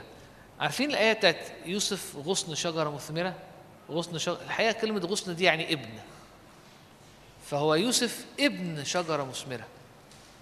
ابن شجرة مثمرة على عين. عارفين إيه ابن شجرة؟ عارف زي ما استخدمتش غير مرة. عارفين زي ما قال إيه دول مثلا أبني الرعد. فهنا هو بيقول لك يوسف ابن شجرة مثمرة. يوسف ابن شجرة مثمرة فأغصانه ارتفعت. أنا فرقت معايا الآية دي. إنه إنه آه إنه في كتير قوي في في ال- اليهود أو في زمان كان يبقى عشان يشرح حاجة يقول أنت ابن كذا. فهنا هو بيقول لك هو ابن شجرة مثمرة. أنا في رأيي إن الشجرة المثمرة هي الرب. فهو ابن الشجرة المثمرة هو ابن ابن الرب. فيقدر يدي ال- الشجرة تطلع ثمر في أوانه. فالدنيا حلوة؟ أوكي. والدنيا في السجن محتاجة مثابرة ثمر المثابرة بيطلع. وأنا محتاج حكمة ثمر الحكمة بيطلع. وأنا محتاج وداعة ثمر الوداعة بيطلع. وأنا م... أيا كان الموسم الثمر بتاعه بيطلع في أوانه. هي في الآخر شجرة بتشرب من حاجة واحدة. هي هي نفس المية. تشرب من مياه الروح. لكن حسب كل موسم بتطلع ثمر مختلف بحسب الموسم. وورقها دايما في كل المواسم أخضر. هو ده يوسف. في كل المواسم كان تحسه fresh أخضر مليان. وحسب الاحتياج في كل موسم كانت كان بيطلع ثمر للبر أو ثمر حياة أو ثمر من الروح بحسب الاحتياج وبحسب الموسم. مع مرات فوتيفار كان ثمر ومع أخواته كان ثمر تاني. وحتى بعد كده آه، آه، في السجن في في المثابرة في في في الفرح في الضيقات الثمر ده كان طالع. انت إيه الثمر اللي محتاجه بقى؟ كل واحد جاي النهارده عنده احتياج آه، لظروف معينة تتغير أو لحاجات. فالرب جاي يقول لك انت محتاج ثمر معين يطلع.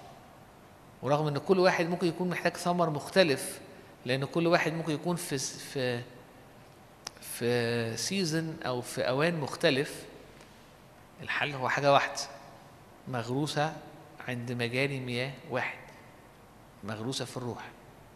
فوإحنا مغروسين في الروح ايا كان الموسم ايا كان ال- الاختلاف في المواسم بنعدي بيها كل واحد هيطلع منه ثمر.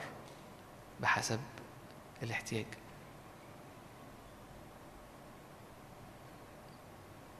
عارفين لما قال له معك عارفين لما نقول ما معك لا أريد شيئا في الأرض؟ في الحقيقة يوسف ما كانش محتاج حاجة. ما كانش محتاج حاجة. المرة اللي حس إنه محتاج فيها واسطة وقال له اذكرني عند فرعون اتنسى سنتين. يعني هو خلاص بقى له قد كده هوت والراجل قال له بص لما تطلع افتكرني. تكون عملت معروف وقول له كذا. اتنسى. وكويس انه اتنسى لأنه كان هيطلع عادي. لكن هو طلع بعد كده من السجن للملك. وإيه اللي إيه اللي طلعه؟ النعمة اللي على حياته. عارفين لما كنت بقول المرة اللي فاتت إنه هدية الإنسان ترحب ليه؟ هو اللي دخله الحلم أحلام والمقابلات. واللي طلعوا المقابلات والأحلام. وده حاجة تخليه حاجة دايما من الحاجات اللي تخليه يحس إنه هو فضل دايما في مجد. لأنه في الأول قابل الرب في حلم أو في أحلام وهو في السجن. لما الناس شافت أحلام قال لهم تعالوا. الرب الرب الرب تعالوا. لسه بتؤمن بالأحلام ولسه بتؤمن الرب آه. وبعدين فرعون حلم فهو هو من البداية للنهاية. النعمة اللي على حياته ماشية. هو بيؤمن في على النعمة اللي حياته ومكمل بيها. في أوقات كانت سبب في أو أو بان إن هي سبب في إن هو حياته راحت في حتة تانية خالص. لكن كمل في علاقة وكمل في عمق وكمل في أعماق. فمن السجن خرج للملك. مرة تانية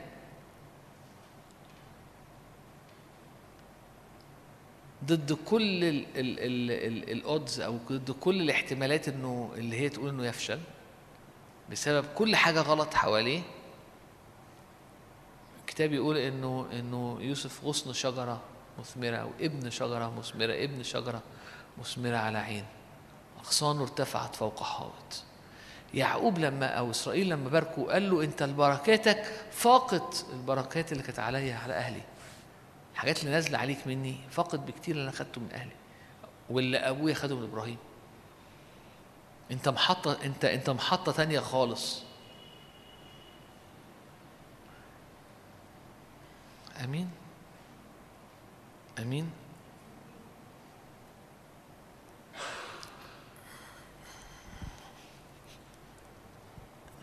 يعني أنا آه يمكن رجائي أو أو صلاتي أو سبب قعدتي أو سبب حتى مشاركتي النهارده بصورة ممكن تكون مش منظمة قوي. إني عايز أقول لك إنه مفيش اوبشنز كتيرة. أنت ممكن تعيش المجد ممكن تعيش بلا مجد. مفيش حاجة في النص. وإنه ممكن تعيش يوسف أو أي حاجة تانية.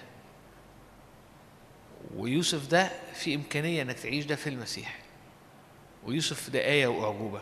مش حاجة عادية تحصل بسبب تربية أو أهل أو أو أو. ولكن لينا إن إحنا نختبر اللي اختبره يوسف. فنتغير. والآب يحبنا. عارفين اللي عنده وصاياي يقول إنه إنه الرب يحبه قال أبي يحبه. ف لما بنتملي زي يوسف إسرائيل أحب يوسف والآب يحبنا لأن إحنا مليانين نعمة ومليانين بر ويلبسنا ثياب ملونة. آمين؟ هنصلي طيب مع بعض شوية؟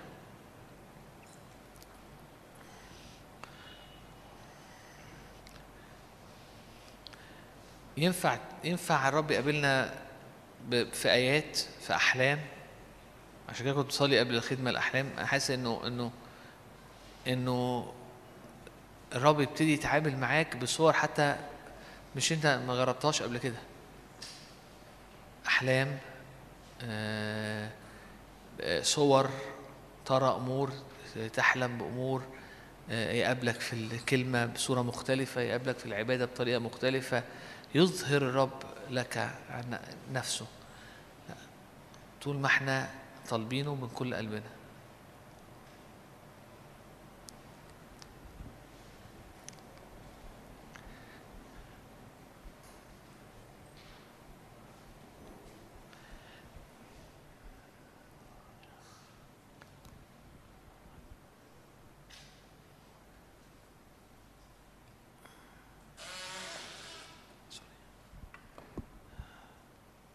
يا رب إحنا بنقدس الحياة يا رب ليك. يا رب إحنا بنقدم لك حياتنا. يا رب بنقدم لك حياتنا يا رب. قال كده عن يوسف نذير إخوته. نذير إخوته. يا رب تعالى بنديك الحياة. عارفين النذير ده كان شخص مخصص للرب. يوسف قدام الرب كان هو نذير اخواته كان شخص مخصص. يا رب أنا عايز أكون نذير ليك أنا عايز أكون مخصص ليك. يا رب أنا عايز يا رب.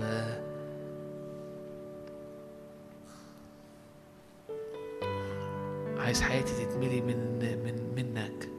عايز وداني تسمعك. عايز عينيا تشوفك. عايز قلبي يا رب يجري وراك. يا رب نسينا نفسنا. يوسف عمره ما اشتغل لنفسه. دايما كان طالب أبوه ومجد أبوه.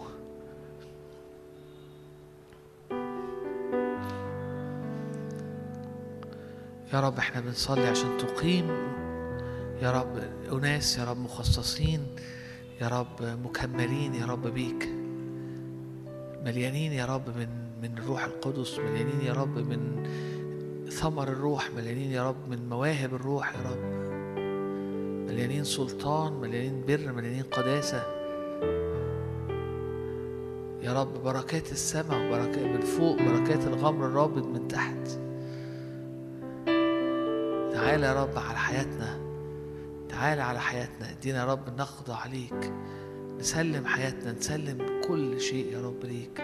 ونطلبك يا رب من كل قلوبنا لأنه مكتوب تطلبونني فتجدونني استطلبونني من كل قلوبكم. فأوجد لكم يقول الرب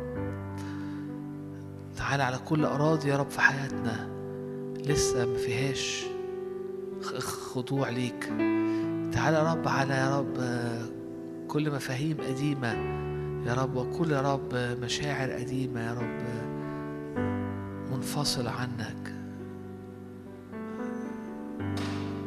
يا رب تعالى يا رب على حياتنا. تعالى يا رب بالروح القدس. تعالى يا رب تعالى يا رب ف أغصاننا ترتفع فوق كل حائط. يا رب تتشدد يا رب أيدينا يا رب من قبل عزيز يعقوب.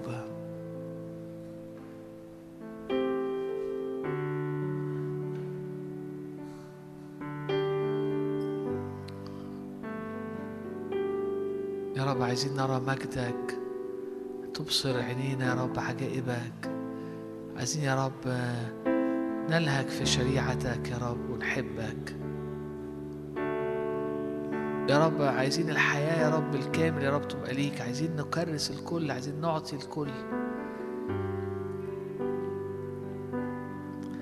لأنه الحياة الأبدية هي عندك. أنت أنت هو الحياة. فيك كل الشبع. فيك كل يا رب فيك كل النعم فيك النعم وفيك الأمين. إحنا كتير قوي قوي قوي بنقضي أوقات طويلة قوي نركز على الأسوار وعلى الحيطان وعلى التحديات وعلى الاحتياجات. ولكن الحياة دي مش بتوصل. أما يوسف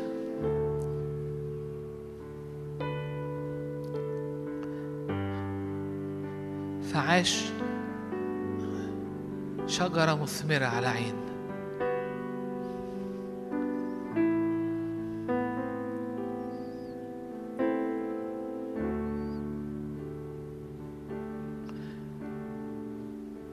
قول يا رب عايز أكون معجزة. عايز أكون آية وأعجوبة لأن أنت دعيتني كده. نور في الظلمة. وسط جيل ملتوي ومعوج أضيء. مجد يا رب على حياتي. بصيرة يا رب لعنيا يا رب وداني مختلفة عينيا مختلفة. يا رب قلبي مختلف وقفتي مختلفة حياتي مختلفة. أتبعك يا سيد أينما تمضي. أتبعك أينما تمضي. أجري خلفك يا رب. إنما في ناموس الرب مسرته في ناموسه يلهج نهارا وليلا. فيكون كشجرة مغروسة عند يا رب عايزين إن نلهج في ناموس الله الكامل. نلهج في ناموس المسيح. في حرية يسوع. في مجد يسوع. أنر يا رب عينينا افتح يا رب عينينا وقلوبنا. افتح أذاننا. دينا نسمع الروح القدس. ودينا نرى يا رب عجائب يا رب. ونرى يا رب يا رب أعماق يا رب من شريعتك. أشكرك لأنك أحبتنا يا رب أحبتنا أحبتنا. تلبسنا يا رب قميص ملون. أحببتني يا رب تلبسني قميص ملون كيوسف تقولي وإيه دعوة يوسف؟ نجى نجى أخواته نجى أعدائه ونجى العالم بالقمح. ويسوع هو هو هو القمح الحقيقي. هو القمح اللي, اللي حبة الحنطة اللي, اللي سقطت على الأرض وماتت وأعطت ثمر كثير وأنت عندك ال- ال- ال- الحنطة دي فيك يسوع فيك. ففي الحقيقة هو أنت مليان حنطة أنت مليان مخازن حنطة. يا رب ادينا حكمة يوسف. ادينا بصيرة يوسف ادينا يا رب قلب يوسف ادينا يا رب نملى خزائننا. يا رب بالحنطة يا رب فييجوا الناس من كل حتة. يا رب ويطلبوا يا رب الحياة من يوسف.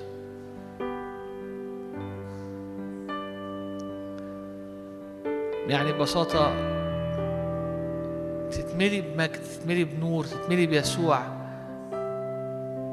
فتنير والناس تطلب النور ده. ناس تيجي عشان عايزة نعمة عشان عايزة ناس تتعامل معاك لأنها شايفة يسوع لأنها عايزة يسوع.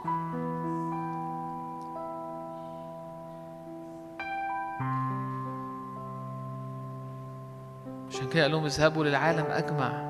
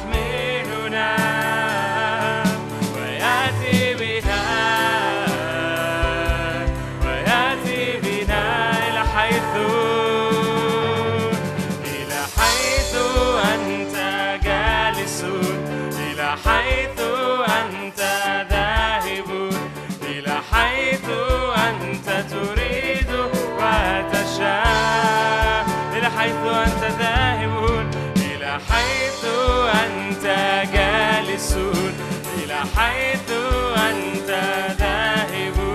إلى حيث أنت تريد وتشاء إلى حيث أبصر وجهك. إلى حيث أبصر وجهك. إلى حيث أبصر مجدك. إلى حيث أنت تريد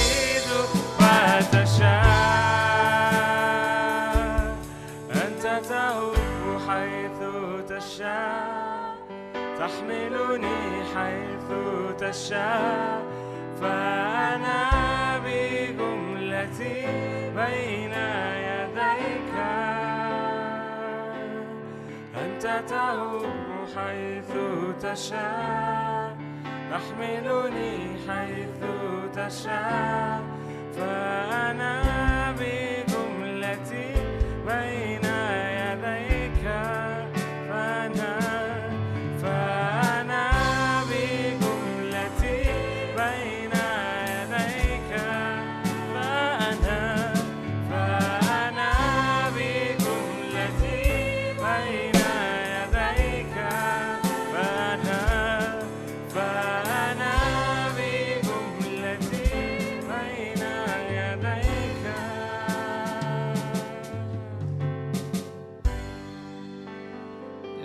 تعالى بزيتك علينا يا رب.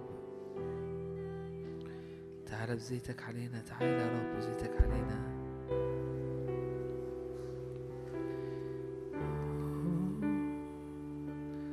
تعالى علينا بزيتك تعالى علينا بالروح القدس.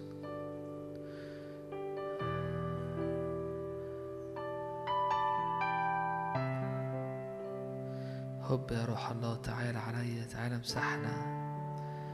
تعالى يا رب امسح كل حتة فينا عشان تبقى يا رب مغموسة في الزيت يا رب.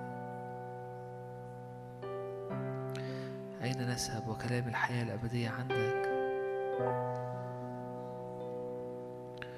تعالى يا رب علينا تعالى على أوقاتنا تعالى على اجتماعاتنا تعالى يا رب على بيوتنا تعالى على قعدتنا تعالى على كل حتة فيا. صلي لنفسك الكلمات دي. تعالى يا رب على كل حتة فينا. تعالى يا رب فتطيب الحياة. تعالى يا رب ف... فأغصاني ترتفع فوق حائط وورقي لا يذبل وأعطي ثمري في أوانه.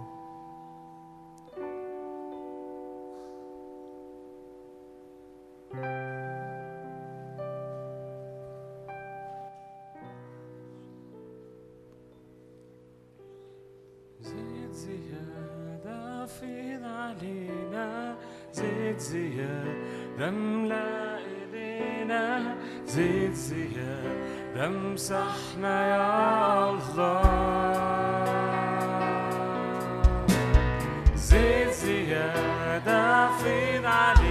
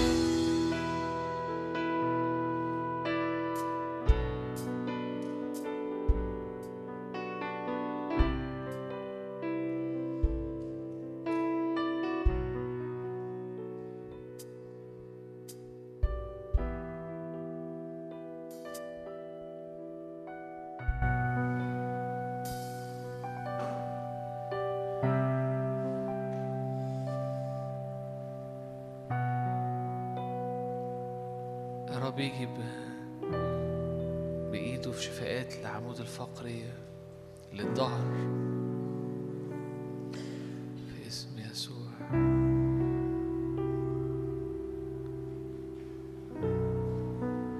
كل تمزق في أربطة كل إصابة في أي عضلات في الظهر أو في الجنب. ركب.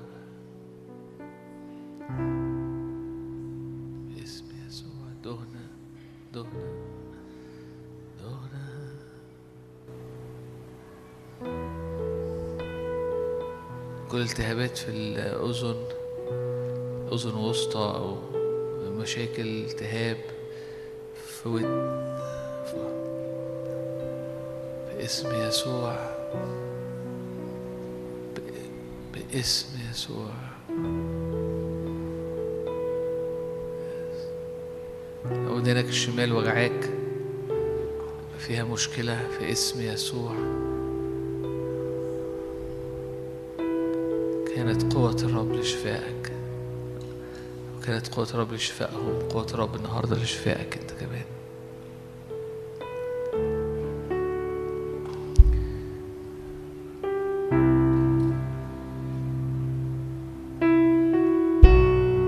تغمس في زيت أرجلنا يا رب عشان اللي كنا بنمشي فيه قبل كده وبنعكز خطوة ورا وخطوة قدام مش عارفين نتحرك.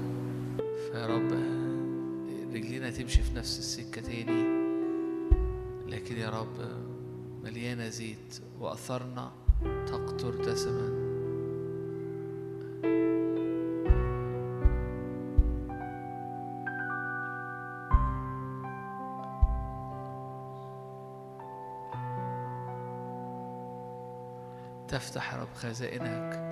تدينا حاجات ما اختبرناهاش قبل كده. تورينا عجائب يا رب وتورينا أمور شفناهاش قبل كده.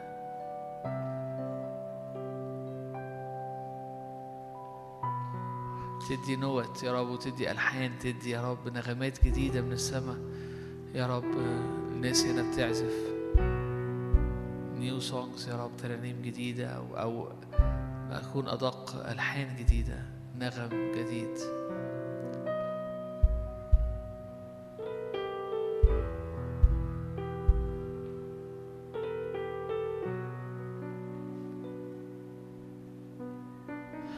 ترسل يا رب ناس يا رب تخرج يا رب في شوارع معينة يا رب.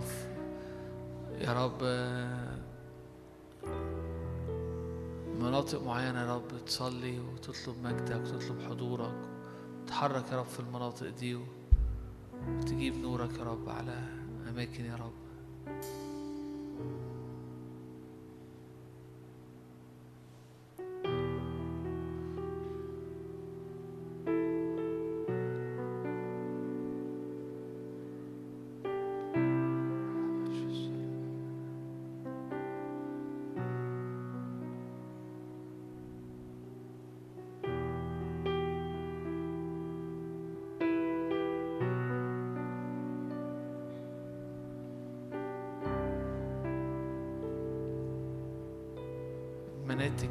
بسهولة.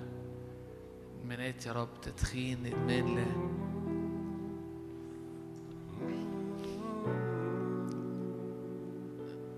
إدمانات تتكسر. سواء تدخين سواء حشيش أو عادات قديمة. ويتلف النير بسبب السمانة بسبب المسحة.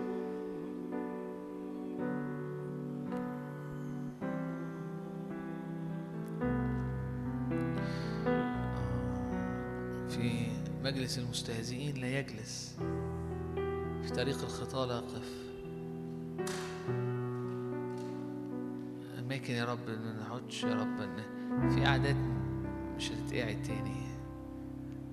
أنت تكلم ناس هنا يا رب في قعدات في في في في حتت في في حتت كانت بتتراح ما بتروحش تاني. ما تروحش تاني.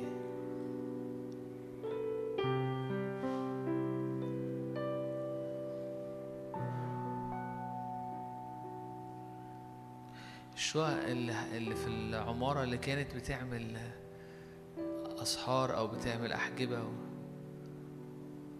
نورك نور النور يخرج من شقتكم لشقق اللي فيها ظلمة والناس تيجي زي ما جيهم كده إخوات يوسف ليوسف عشان مخازنه مليانة وتطلب نور وتطلب حياة لاستبقاء حياة. قال, قال لهم كده يوسف لاستبقاء حياة. بعتني الرب هنا لاستبقاء حياة.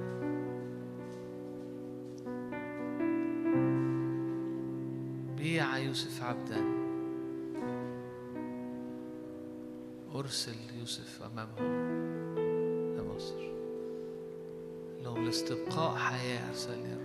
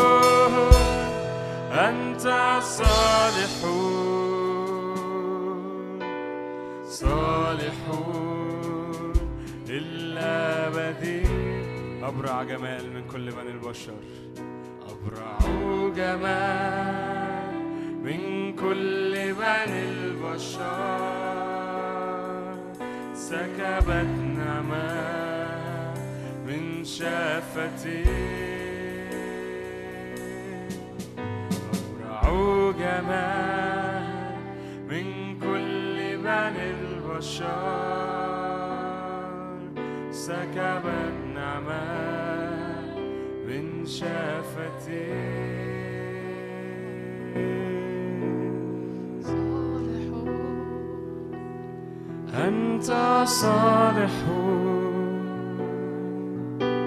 صالح للأبد. صالح صالح أنت صالح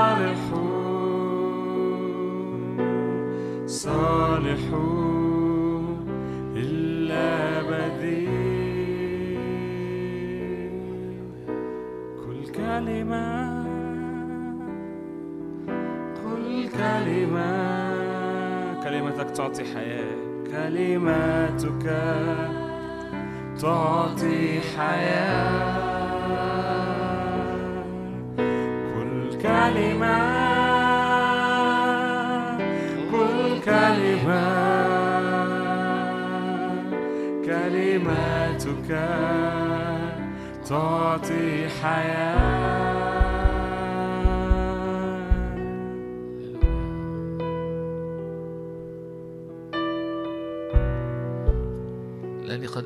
آمنت أن أرى جود الرب في أرض الأحياء. يا رب نرى جودك نرى جودك. نرى نعمك يا رب نرى حضورك. نراك يا رب نراك نراك.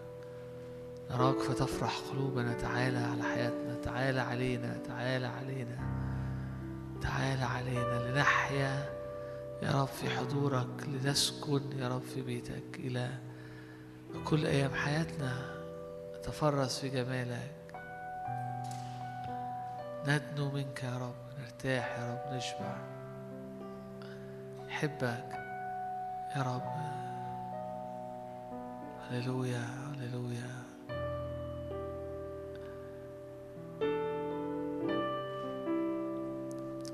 وكان الرب مع يوسف فبسط له لطفا.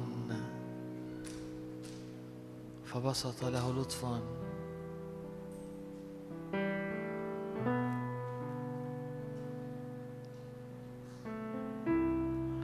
لما رأى رئيس السجن أن الرب مع يوسف وأن كل ما يصنعه كان ينجح. يا رب كان الرب مع يوسف. كن أنت يا رب دايما معانا. نلتصق بيك يا رب تلتصق بينا يا رب. تكون معيتك يا رب معنا. يا رب إحنا يا رب نستغل الحضور إحنا يا رب نستغل الكلمة إحنا نستغل يا رب محضرك نستغل العبادة. نستغلاك قوي قوي إحنا في نهاية الاجتماع قول يا رب استغلى حضورك استغلى كلمتك واستغلى عملك واستغلى روحك. تعال عليا. ها أنا يا رب إناء يا رب منتظر. منتظر منتظر. يا رب ب... حول حياتي يا رب. حول حياتي يا رب لحالة من الشركة والانتظار والتبعية يا رب والحب يا رب والالتفاف حولك حول عرشك حول عبادتك. لأنه يا رب أنت أنت يا رب وليس غيرك. الحاجة إليك أنت فيك كل الشبع فيك كل يا رب الراحة. فيك نجد الكل لأنه منك وبك ولك كل الأشياء يا رب.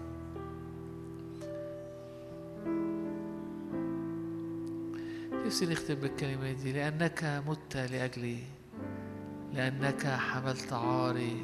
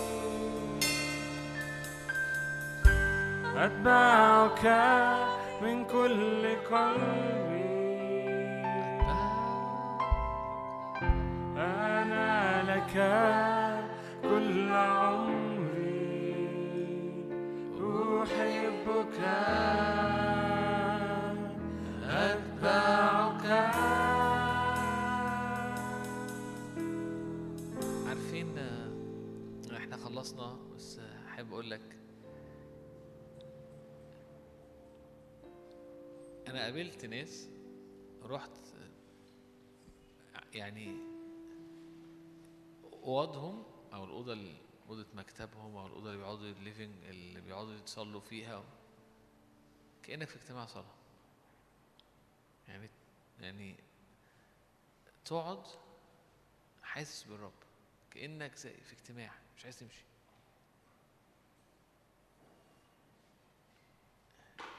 ده مش حاجة دي حاجة ممكن تبقى عندنا. ممكن تبقى عندك. إنك توصل لحتة تلاقي إنه أوضتك فعلا الناس تخش تقول لك هو إيه اللي في الأوضة ده؟ عايز تقعد عايز يفضل قاعد في الأوضة إن في حاجة وأنت بعد شوية تميز الأوضة فعلا فيها حاجة مختلفة دي أغلى حاجة في الدنيا إن أنت تبقى كده وأوضتك تبقى كده وحياتك تبقى كده صح؟ صح؟ ده بيحصل من القعدة قدام الرب والقعدة قدام الكلمة والجوع الحقيقي. نفسي بس قبل ما نخلص كده شوف أي واحد جنبك أو شوفي أي واحدة جنبك وكده إيه إديها حضن كبير وقول لها قولي لها أو قول له إن يعني إن يسوع بيحبك ويسوع وإن أنت بتحبه بس. فأنا الراجل ده هو اللي جنبي. أنت شوف بقى أي واحد جنبك راجل وانت شوفي أي واحدة جنبك وإيه وحبي